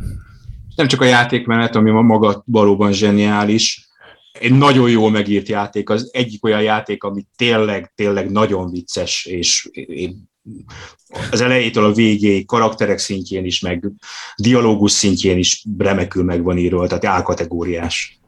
Egyetértek. És akkor 2007-nél járunk, ugye, amikor megjelenik az Orange Box. Igen. A furán elnevezett Orange Box, amiben benne van ugye konzolon a Half-Life 2 a két kiegészítőjével, a Portal meg a Team Fortress, és ez körülbelül így a világ legjobb vétele volt. Így van. Amikor ez, ez a csomag így megjelent. Ma már valószínűleg nem így adnák ki a Valve egyébként szerintem, de az, az, az egy ilyen kötelező vétel volt szerintem Xboxon, amikor az megjelent. Még akkor is, ha Newell előzetesen azért alaposan konzolokat azt így, így letette egy alsó polcra. Tehát PlayStation 3-ról 2007-ben gyakor- azt nyilatkozta, hogy sony jobb lenne ezt, akkor elengedni ezt a PlayStation 3 projektet, mert hogy az idejük vesztegetése rá fejleszteni, és kukázni kéne az egészet, és egy új géppel előjönni. Beszólt az Xbox Live-nak is, mint olyannak, aztán később a Windows 8-nak is, tehát a, volt, volt munkaadó, így sem kímélte. Um, és valóban, ha emlékeim szerint a PlayStation 3 portok azok abszolút nem voltak acélosak, finoman szólva. Xbox 360-on sokkal jobban futott, de igaz ez a akkori idők multiplatform címeire ez általában jellemző volt, hogy, hogy Xbox 360-on teljesítettek jobban. Én arra emlékszem, hogy mondta, igen, ezt kiírta egyszer, hogy a PS3 az, az így egy, egy felesleges kinövés a játékiparon, és utána egy évvel ott állt a Sony színpadon, és bejelentette, hogy akkor természetesen érkezik PS3-ra is a... Pont a portált, nem? Igen, a portál, és hogy azóta a Sony kiavította a gondok nagy részét. Lehet, hogy két évvel később volt, de olyan, ez úgy szerintem sokakban megmaradt ez a meglepően őszinte ilyen kirohanás. Ilyet azért nem szoktak megengedni maguknak ilyen fejlesztők legtöbbször, de akkor már a Steam egy jól menő digitális üzlet volt. Neki belefért. Akkor egy újabb bevásárlásuk volt 2008 elején a Turtle Rock Studios, ami ugye megcsinálta a Left 4 Dead 1-2-t. Igen. Aztán kirúgták őket a halálba. Aztán szevasz. Harmadik részt akartak csinálni, elkövették az ősbűnt, menniük kellett. Igen. Igen, köve ugye most jött vissza ez a, vagy, vagy próbált visszajönni ez a stílus. Hm, pont, hát pont konkrétan igen, a a Back for Blood? Back for Blood, igen, igen, igen. igen. igen, igen. Hát ez ugye egy négyfős kooperatív zombiírtás. Én bírtam, de valahogy nem, hosszú távon nem ragadtam rajta. Én nem értettem, hogy őszinte legyek, hogy ezen hogy tudnak emberek tényleg évekre rajta ragadni, mert négy pálya volt benne, ha jól emlékszem. Oké, okay, hosszú igen. pályák voltak, meg minden, de nekem nem kínált annyi változatosságot, hogy hogy nagyon sokáig lekössön. Liquid téged, te játszottál vele sokat, vagy? Sokat nem játszottam vele, én azt hiszem, hogy ennek a titka az az volt, hogy három vagy négy sört meg kellett inni előtte. Ó, lehet. Tehát, tehát nálunk ez egy tipikus parti játék volt, hogy, hogy akkor mindenki szépen sört bont, és akkor hajrá, zombiírtás.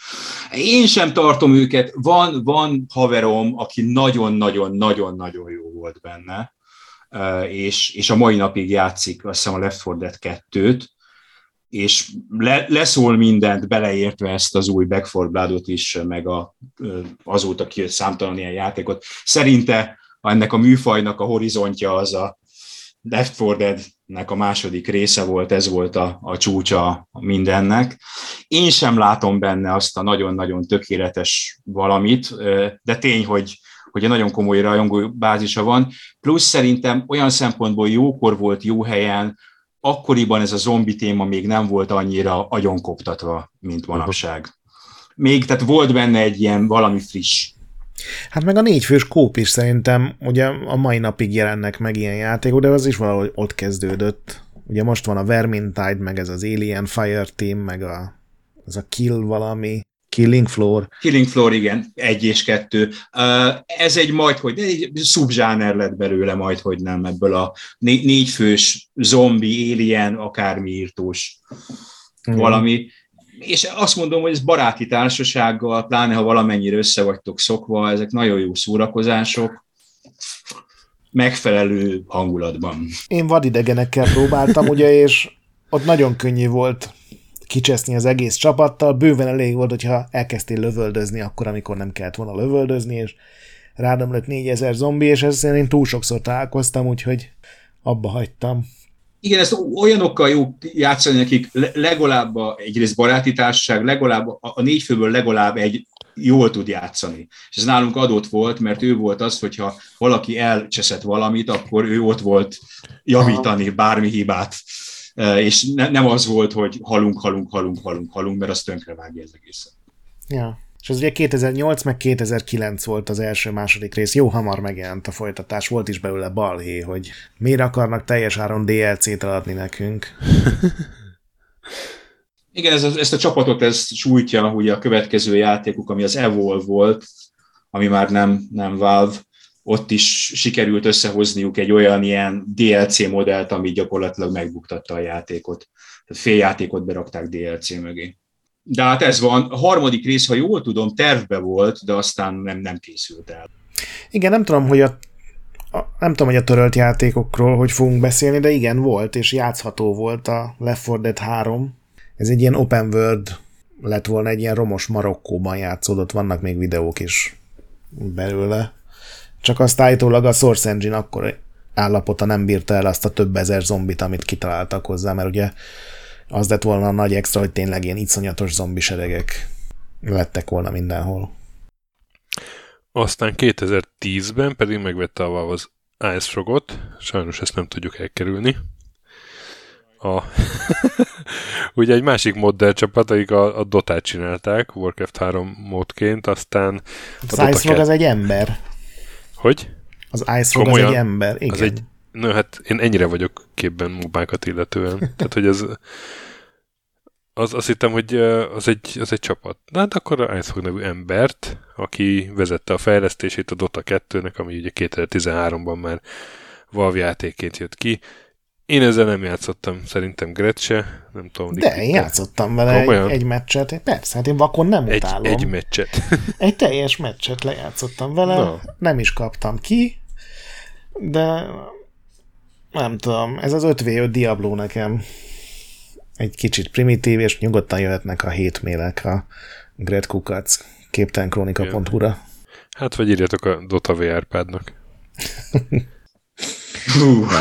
Nevettél, Gret? Nevettél? Nevettem, de ez nem boldog nevetés volt, hanem ilyen pánik.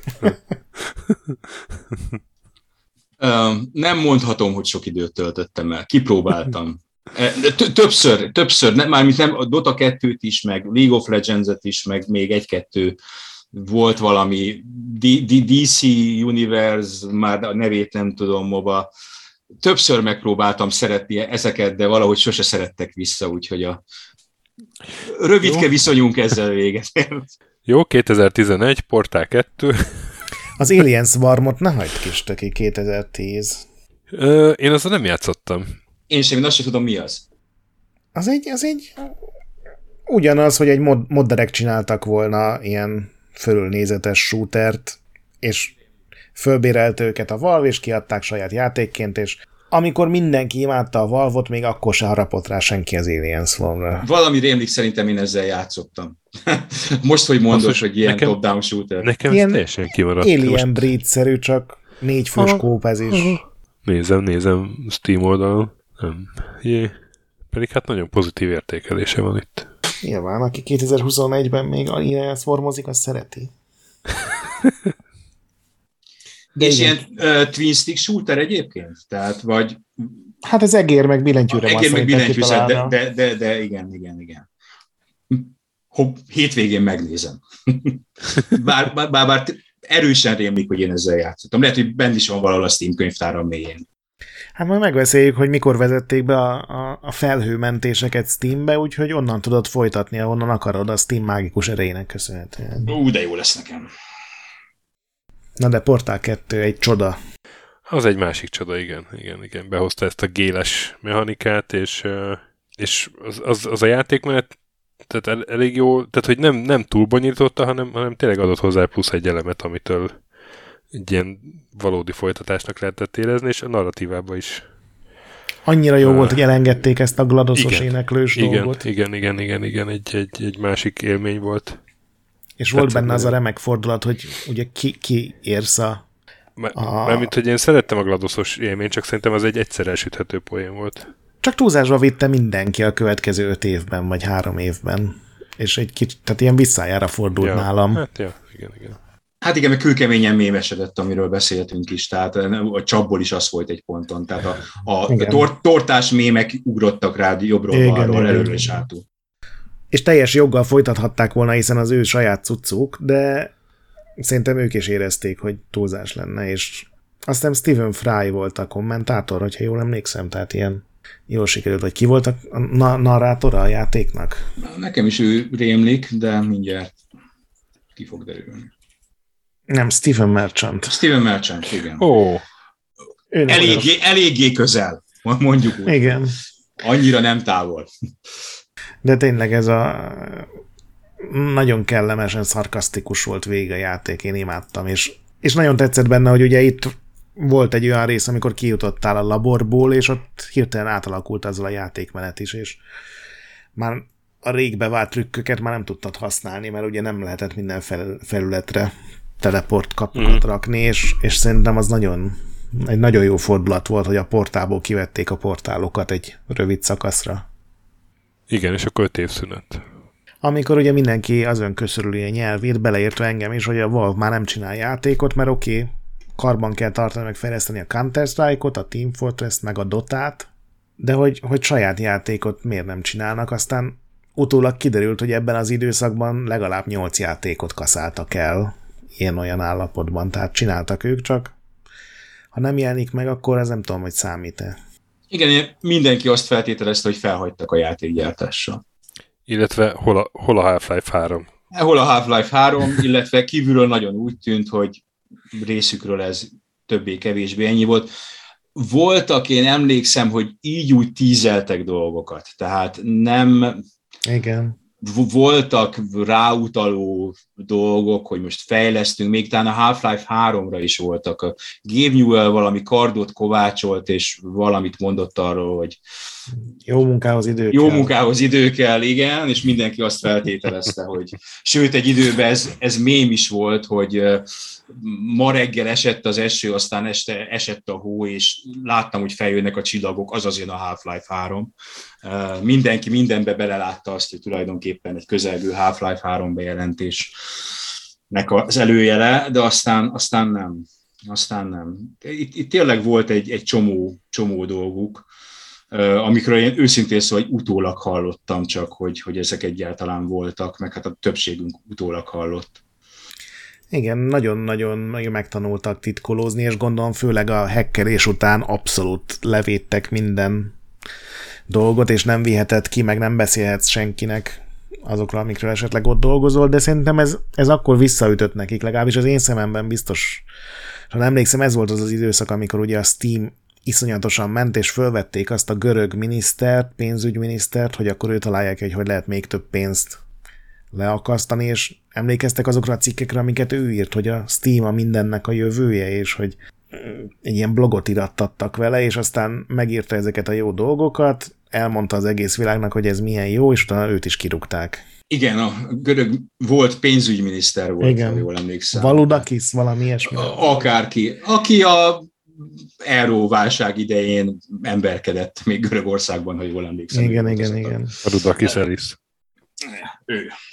Um, és E, igen, itt a, azt hiszem, hogy itt, itt nem repedések a, a renomén, ezt lehet mondani, ez az időszak, e, amikor a, a, a, a jó fejválv, a Half-Life-os válv, a, a portálos válvból hirtelen egy pénznyomtató gép, legalábbis a közember szemében pénznyomtató gép, vagy az átlagjátékos szemében úgy tűnt, hogy most itt mindent felír az, hogy minél több pénzt kell termelni, és hát majd ha beszélünk a Steamről, szó is lesz, hogy rengeteg pénzt termeltek, és a mai napig rengeteg pénzt termelnek a Steammel. Össze nem hasonlítható valószínűleg azzal, amit játékfejlesztésből, még nagyon sikeres játékok fejlesztéséből is be lehetne húzni. Tehát itt igen, ez, ez igen. Dollár 100, milliárd, 100 milliókról, sőt összességében milliárdokról van szó. Igen, szerintem, hogyha azt mondtad, hogy a Half-Life-os Valve-ról beszélt mindenki, szerintem nagyjából itt váltak ők inkább Steam-es Valve-vá. Meg ugye majd beszélünk a hardvereikről, az is ez, szerintem ez az időszak volt, hogy elkezdtek azon gondolkodni, hogy mi lenne, ha saját PC-ket csinálnánk, saját kontrollert csinálnánk, saját VR sisakot csinálnánk, saját akármit. Saját Nintendo Switch-et csinálnánk. Igen, igen, pontosan. igen. Igen, igen, igen. Na de akkor a játékokról, akkor a következő az Artifact volt 2018-ban, ugye? Igen. Ami a Dotának volt egy kártyajáték, vagy Dotához kapcsolódó kártyajáték volt, és én ezzel nem játszottam, azt, azt tudom, hogy a Richard Garfield tervezte, aki a Magic the Gathering-et. Igen.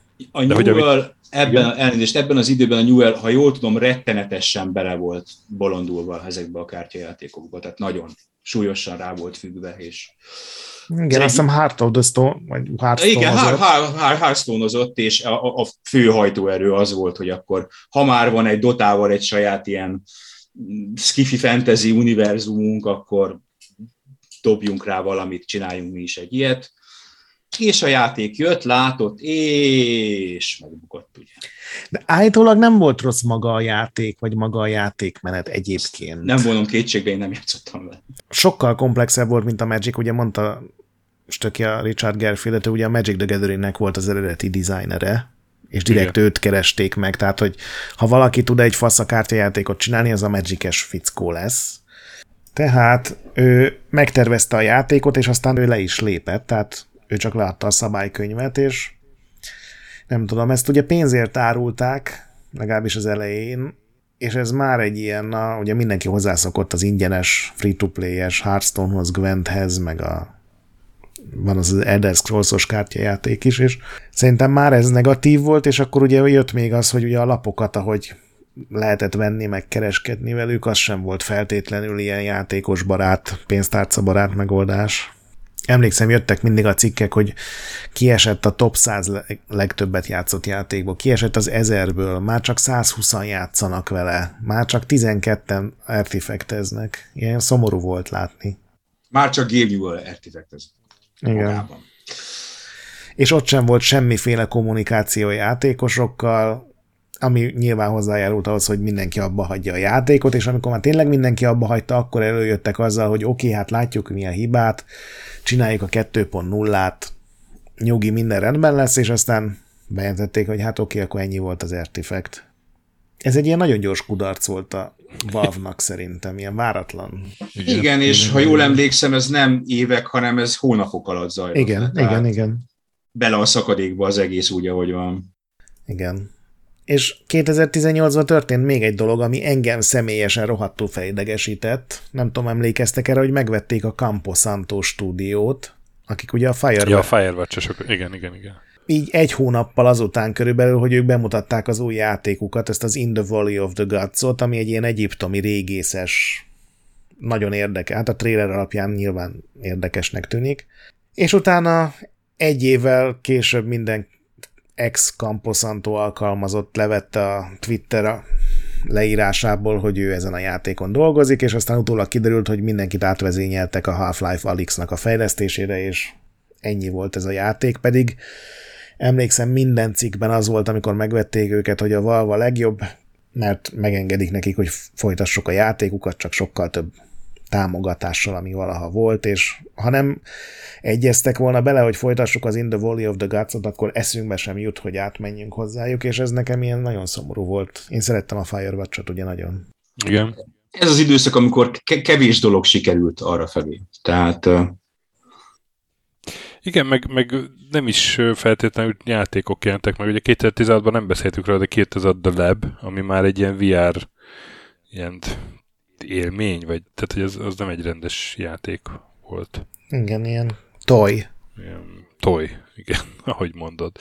Meg ugye nem beszéltünk róla, vagy elmentünk, mert 2006-ban a Geris mod is ugye valve jött ki, ami egy ilyen szabad ilyen alkotói környezet. Móka, ilyen alkotói, igen. igen, igen, tehát hogy abban sincs egy játék, de egy ilyen működő, vagy hát ilyen mindenféle De az nem volt elérhető világ. előtte nagyon sokáig modként, és csak...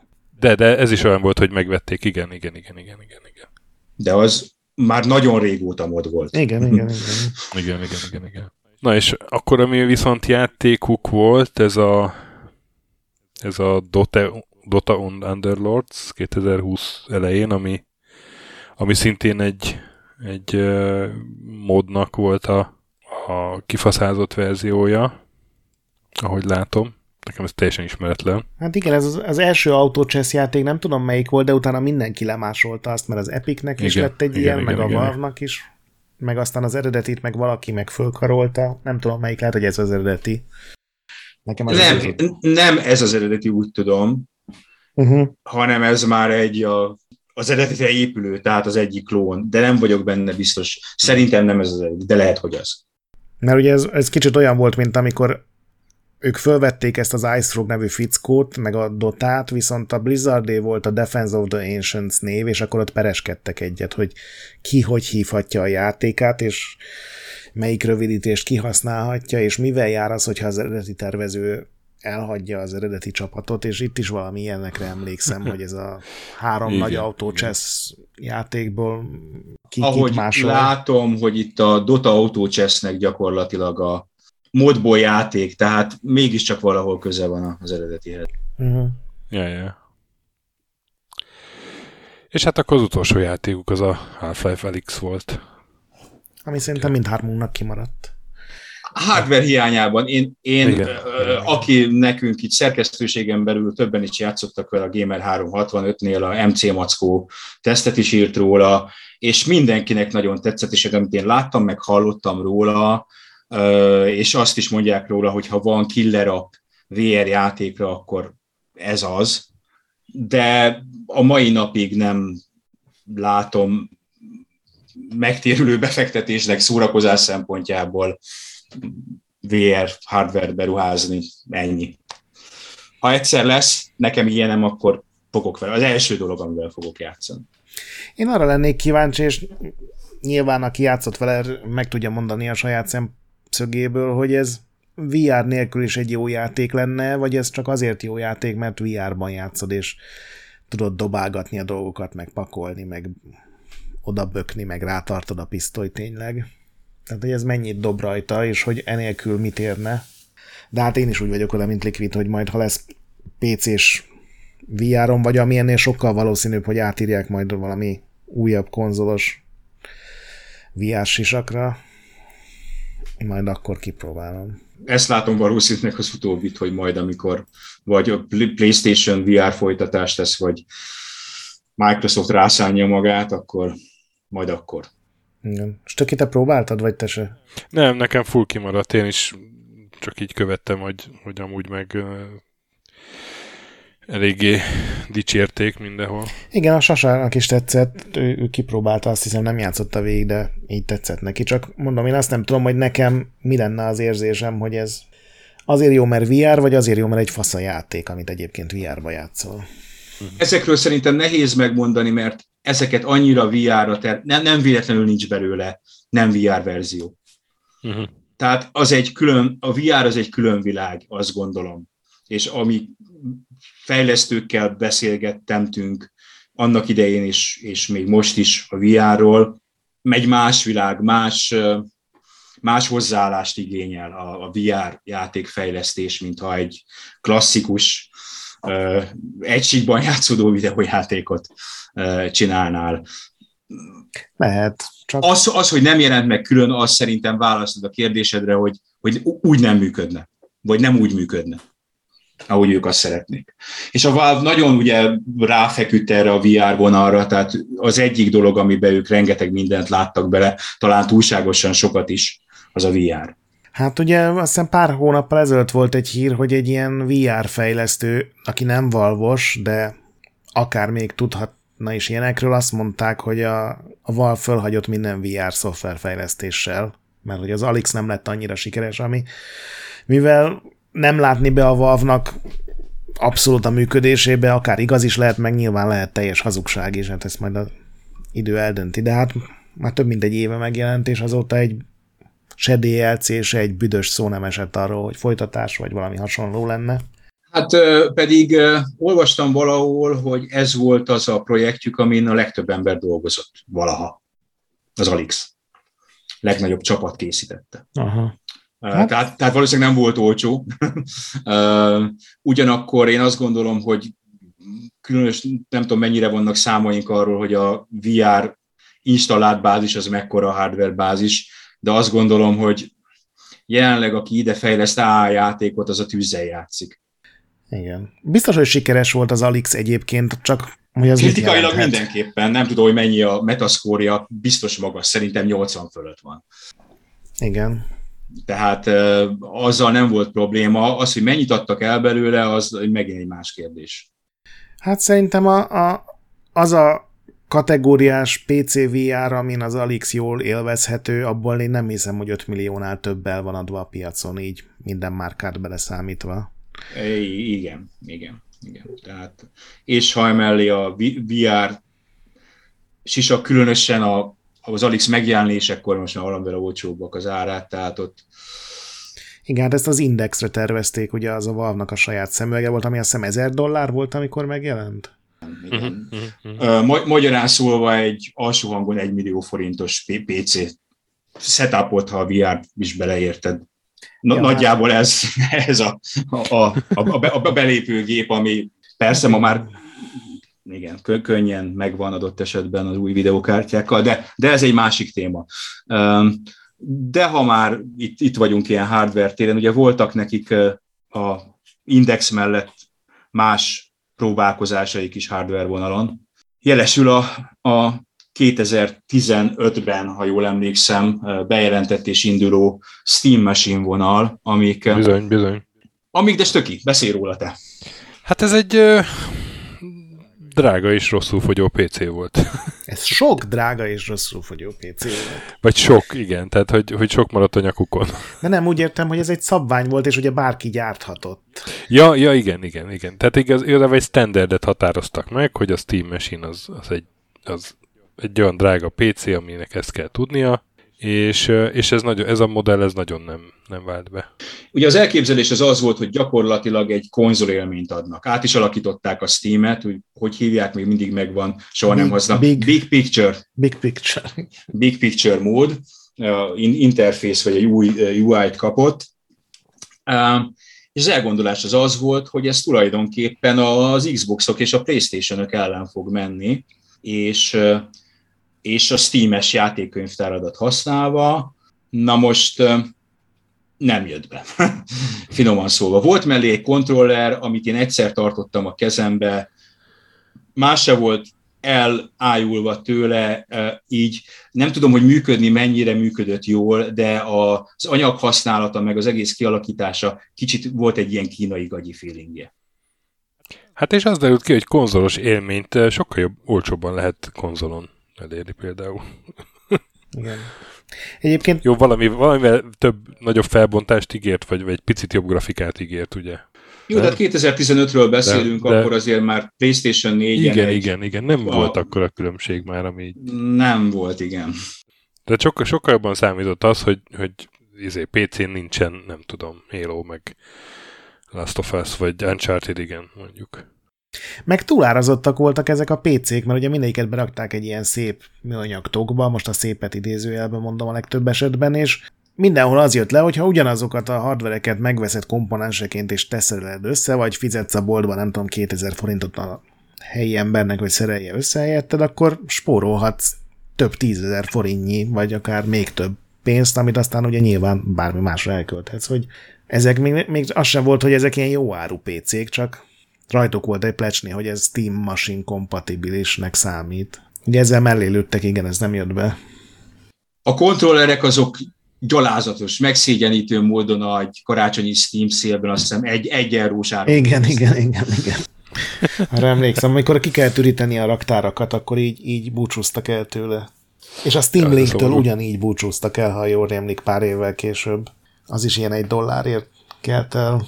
Na de, itt van nekünk a, az új próbálkozásuk. A Steam Deckre gondolsz most?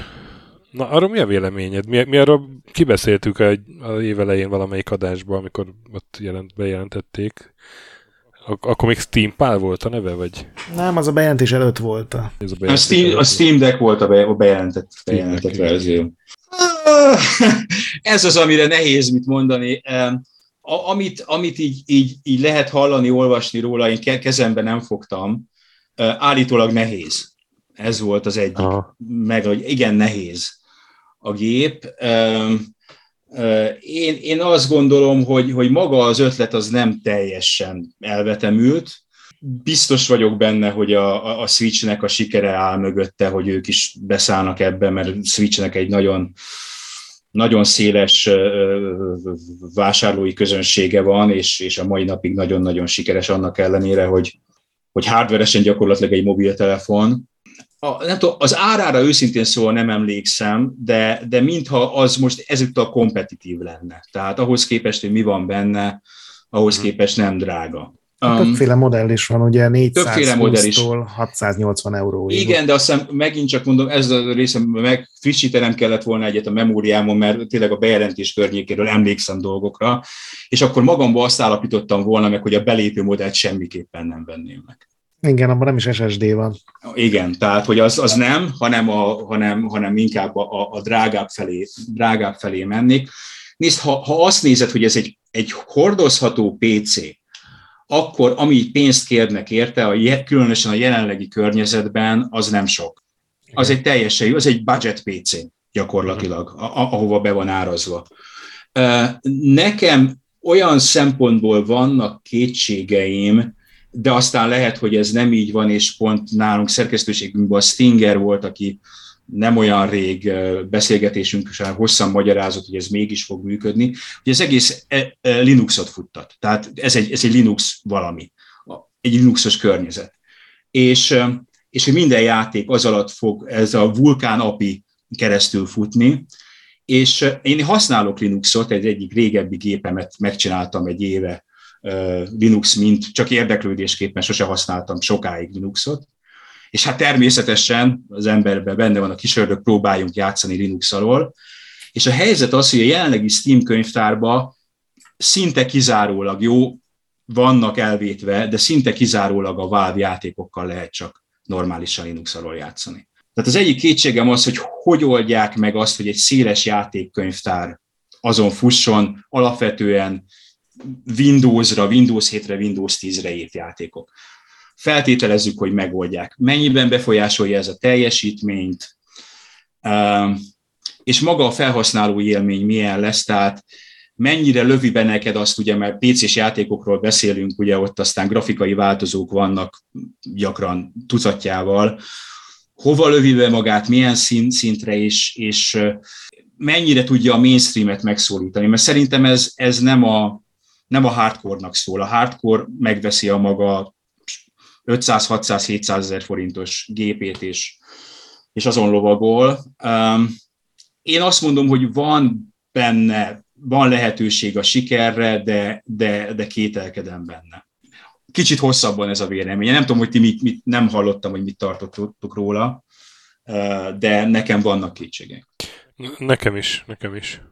Nekem eleve a nem is tudom. Tehát, hogy ez a, a, ké, a kézi konzolos felfogású PC, ugye most arról beszélünk, vagy egy kézi PC. Tehát ilyenek vannak már régóta, és mindegyik egy szűk réteget tud csak elérni. A Valve az nem egy szűk réteget akar elérni, és tehát a, pont a Switch mellett nagyon-nagyon nehéz lesz neki piacot hódítani, és már csak ilyen szempontból is kétségeim vannak.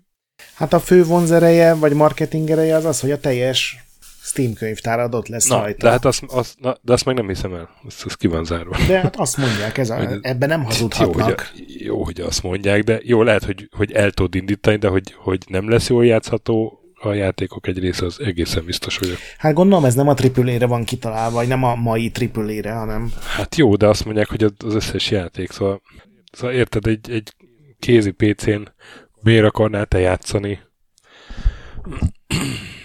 Mondja egy olyan játékot, ami, ami mondjuk ilyen kézi konzolos formában jó, játszható jól igazán, tehát mondjuk nem egy, egy ilyen MMO, meg nem egy uh, Counter-Strike, meg ilyesmi, és, uh, és nem elérhető Switchre. Rengeteg indie csak... játék van. Igen, jó, és akkor indie játékokért fogsz majd venni egy Én nem, de... Én se. Hát ki fog akkor venni?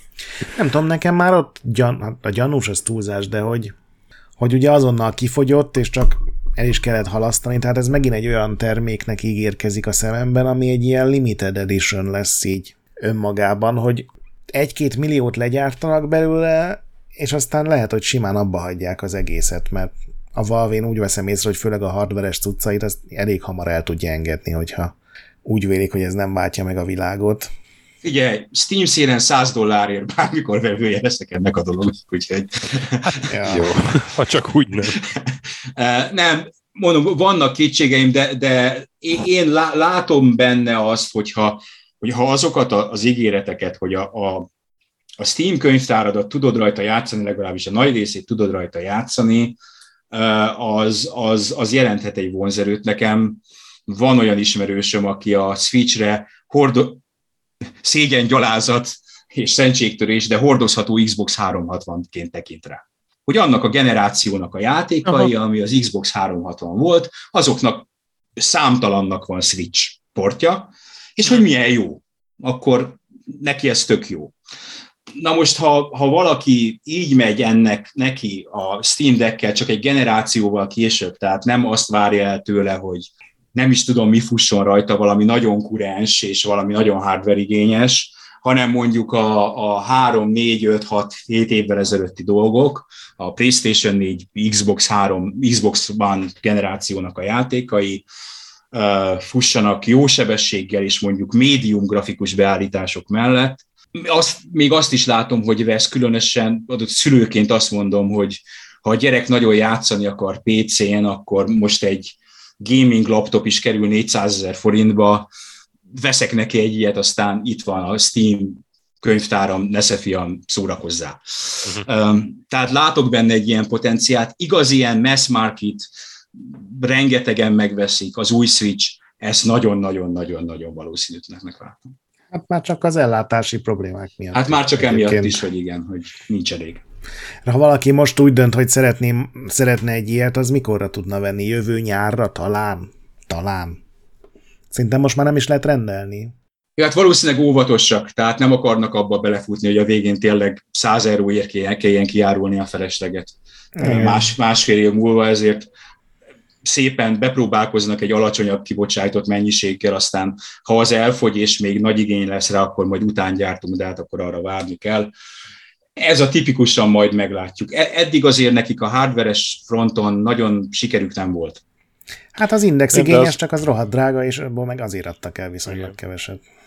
De azért azt mondjuk el, mert aztán nem hallgatta, hogy, hogy a Valve egy rohadt sikeres cég, ugye csak a Steamből. Hát a Valve Nagy... szerintem a legsikeresebb játékcég a, a világon. A Valve a az alkalmazottak számára lebontott profit, azt hiszem tekintetében a világ legsikeresebb cég. Abban. Aha. Mert hogy ugye csak pár száz ember dolgozik igazából ott, és ilyen több milliárd dolláros bevételük van, ugye? Hát akkor lassan átérhetünk szerintem a teljes Steamre, ami ugye uralja a PC-s játékpiacot. Hát most akkor a hard, hardware-t azt kibeszéltük, és akkor Steam.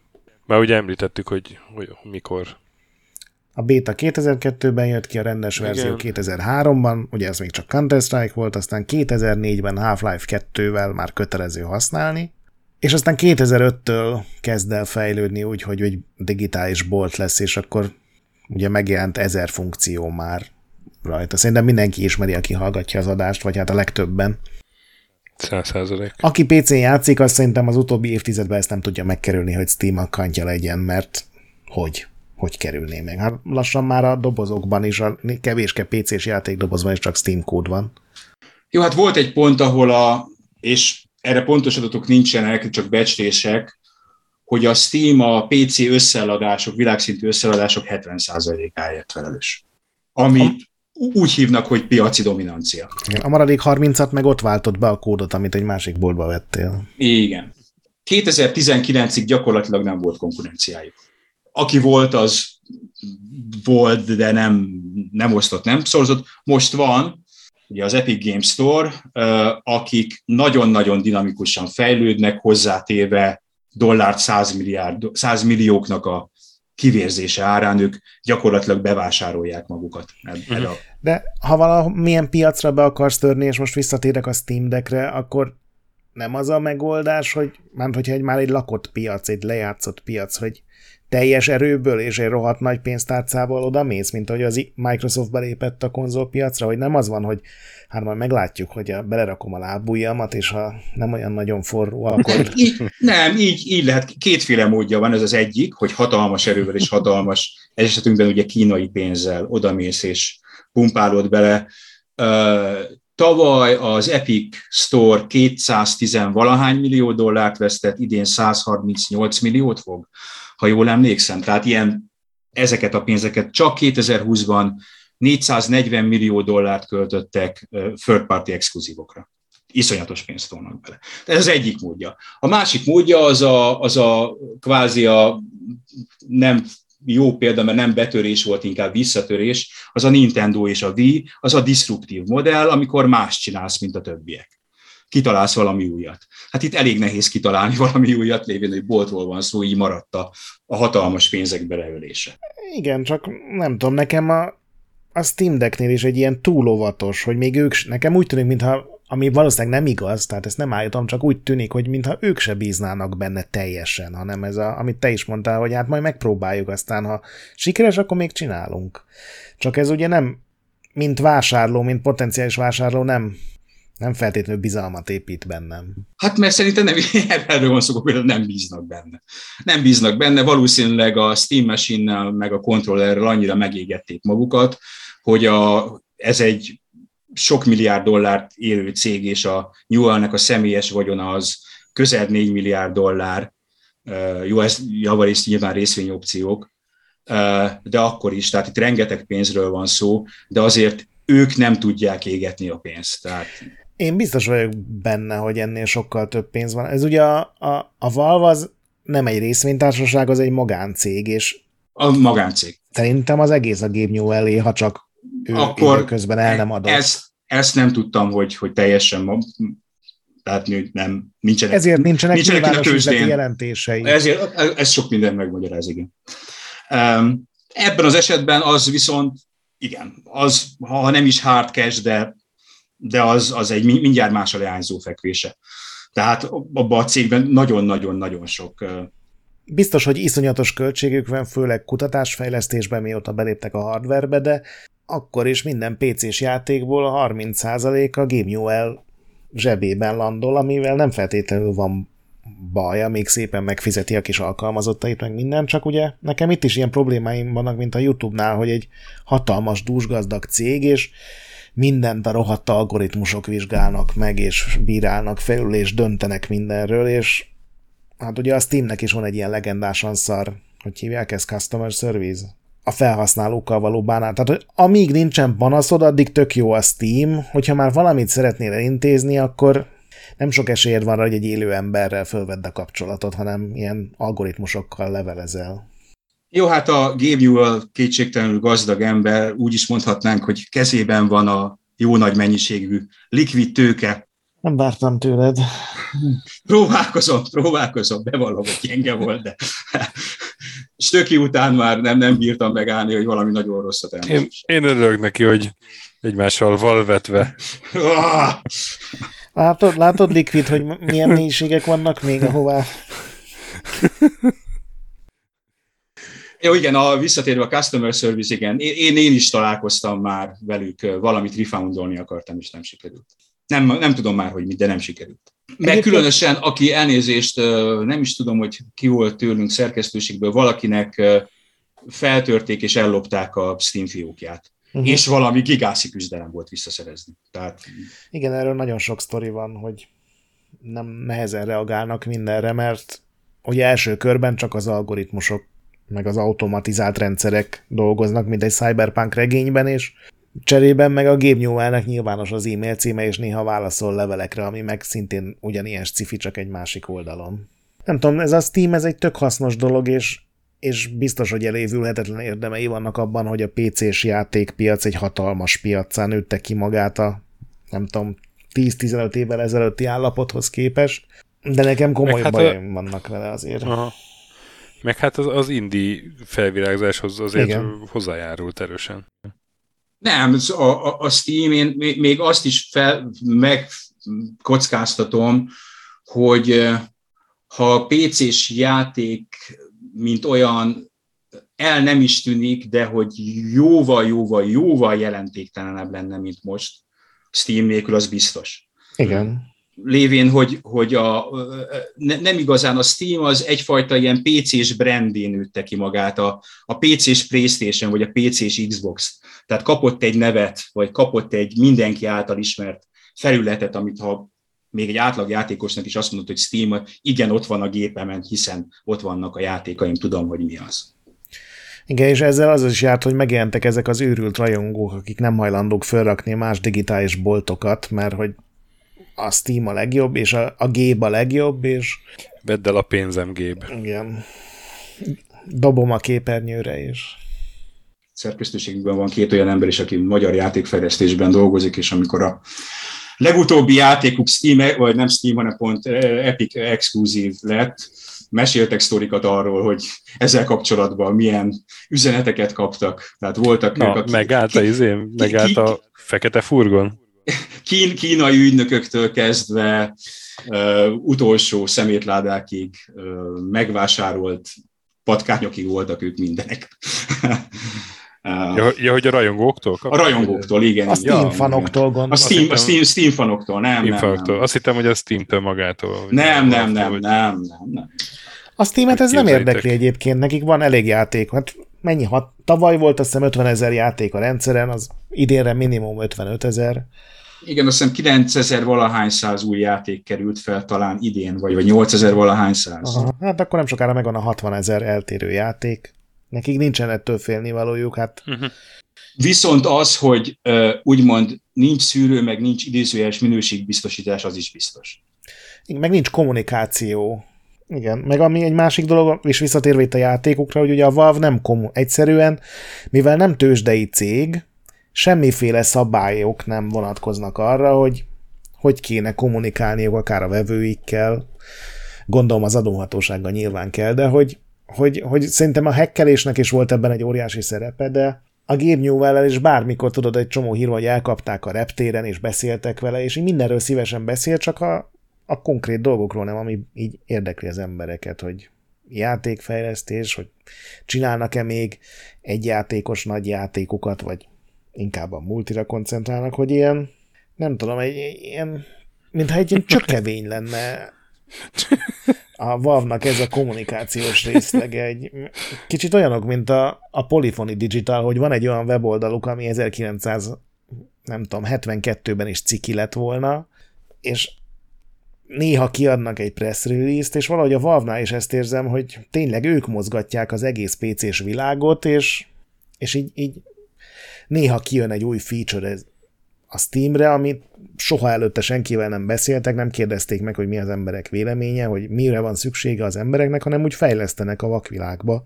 És mivel nem tudod megkerülni őket, ezért így zéró kockázata van ennek, csak olyan furcsa. az ára, ja. Ilyen szempontból jó az Epic Game Store megjelenése, mert igen. talán sikerül lyukat ütniük, és ők tehát hiperagresszíven nyomulnak a, az ingyen játékokkal, ugye éppen holnap, a felvétel, podcast felvételétől számított holnap kezdődik ez a karácsonyi akciójuk, amikor két kézzel szórják ismét a játékokat a jó nép közé. Ilyet azért más eddig még nem, nem csinált, vagy ha csinált, akkor azért bizony fizetni kell.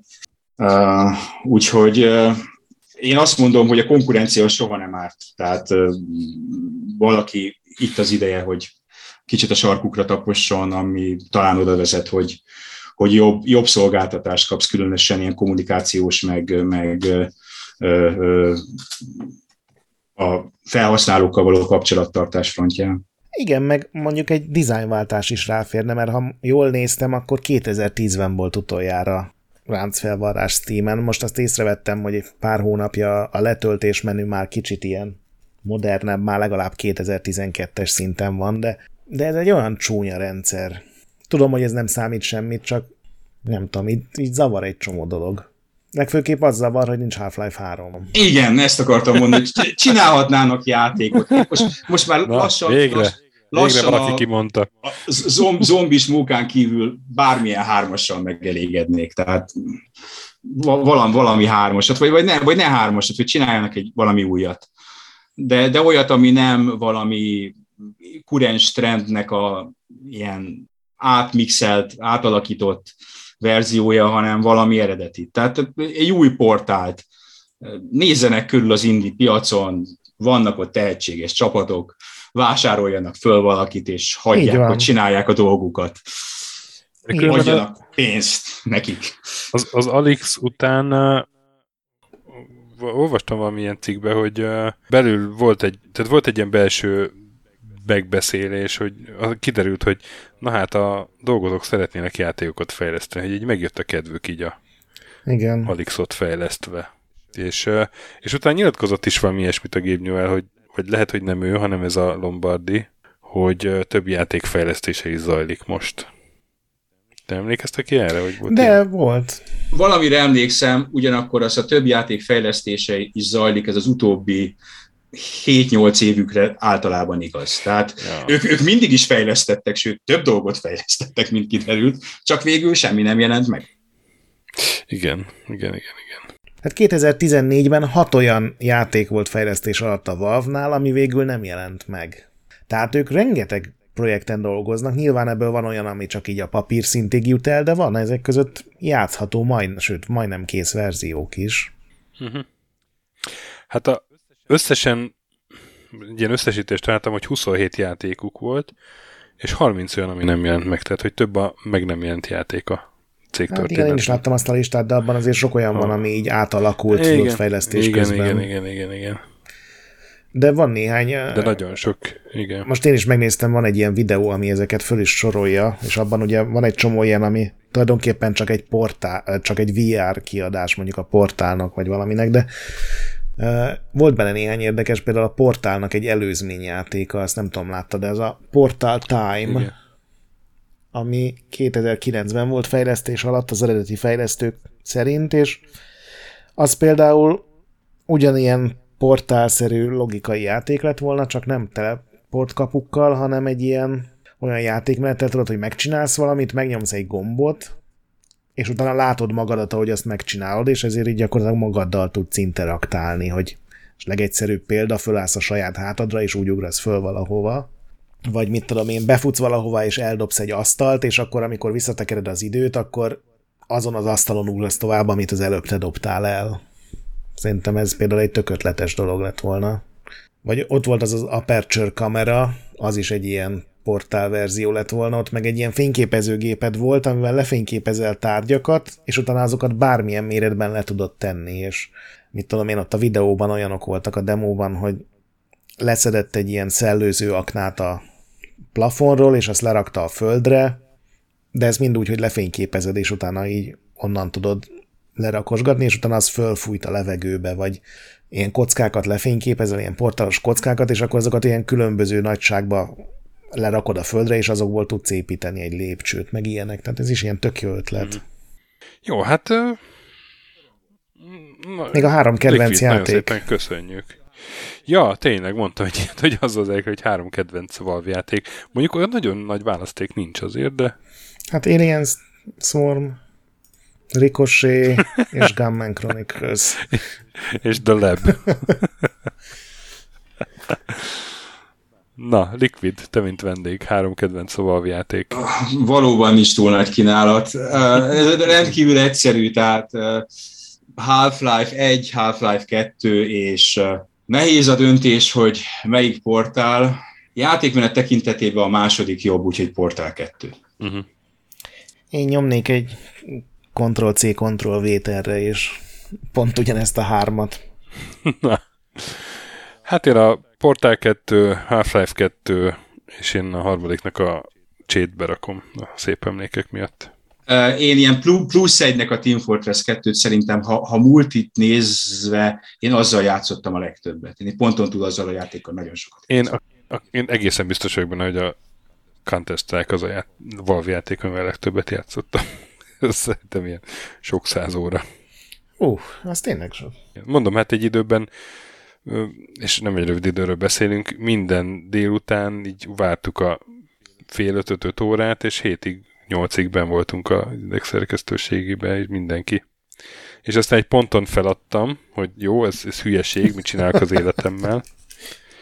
És uh, akkor a kollégák ilyen kinyomtatott izé, headshotokat, meg ilyen, ilyeneket raktak az asztalomra, hogy visszavárunk és egy ponton úgy meghatottam, hogy visszamentem, és onnantól kezdve addiknak kezdtek hívni, és az lett a játékbeli nevem is, azt embrészeltem. Jó, az, az veszedelmes, ha ráadásul egy légtérben vagytok, tehát közös ja, térben. persze, nyilván és kellett hozzá. Az na, nagyban, nagyban adja, hogy akkor rá lehet kattani közösen valamire. Persze, persze, mert, mert abban az igazi élmény, amikor, amikor lelövöd Látod a az másikat, arcát. és a szomszéd asztalnál látod a reakcióját, persze. Ez egy jó sztori volt lezárásnak szóval... szerintem, így a... Ja. Igen. Na jó van, hát akkor nagyon szépen köszönjük Liquid. Szívesen. Majd gyere máskor is. Igen. Ti pedig, kedves hallgatók, legközelebb is maradjatok velünk, amikor jövünk valami minivel, aztán, hát aztán nem tudom, lesz-e még adásunk idén, mert lehet, hogy már a NÁ a következő esedékes nagy adás, ami meg ugye január eleje lesz, de... Valami lesz de valami lesz. Sőt, hát még izé is lesz a, az év, évzáró adás, akkor még az biztos lesz. Amikor megmondjuk, hogy az év legjobb játékai, és megpróbálunk tíz játékot találni, ami idén megjelent. Na jó van. Akkor játszatok addig is sokat, meg mentsetek boss előtt, vigyázzatok az állerakón, kövessetek minket Discordon, Retrolanden és iTunes-on, a nagy pixel pedig továbbra is gyönyörű. Sziasztok! Sziasztok! Sziasztok! All right, Gordon. Your suit keep you comfortable. Rise and shine, Mr. Freeman.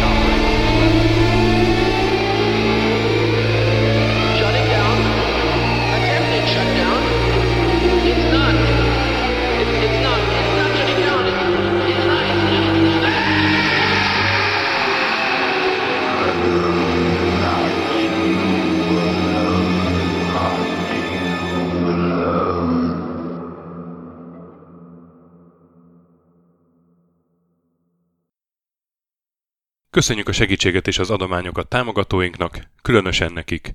Andris 1 2 3 4 5 6, Pumukli, Bastiano Coimbra de la Coronilla Azvedo, Kis András, Dester, Joda, Kínai, Gatz, Hanan, Zsó, Takkerbá, Flanker, Dancy Sweet Chickens, Gabez Mekkolis, Hardy, Szarácsi Bálda Réten, Módi, Rozmi, Nogit, Sogi, Siz, CVD, Tibiur, Bert, Kopescu, Chris, Ferenc, Colorblind, Joff, Edem, Kövesi József, Varjagos, Zsiga Bálint, Loloke, Snake Arathor, Hollósi Dániel, Balázs, Zobor, Csiki, Suba, Kertész Péter, Richard V, Nyau, Vitéz Miklós, Huszti András, Vaut 51 Gamer Bar, Péter, Daev, Enisi, Márton úr, Csalazoli, Veszti, Makai Péter, Takkerbá, Zsovez, Mongúz, Beranándor, Arzenik, Kviha, Mazi, Tryman, Magyar Kristóf, FT, Creed 23,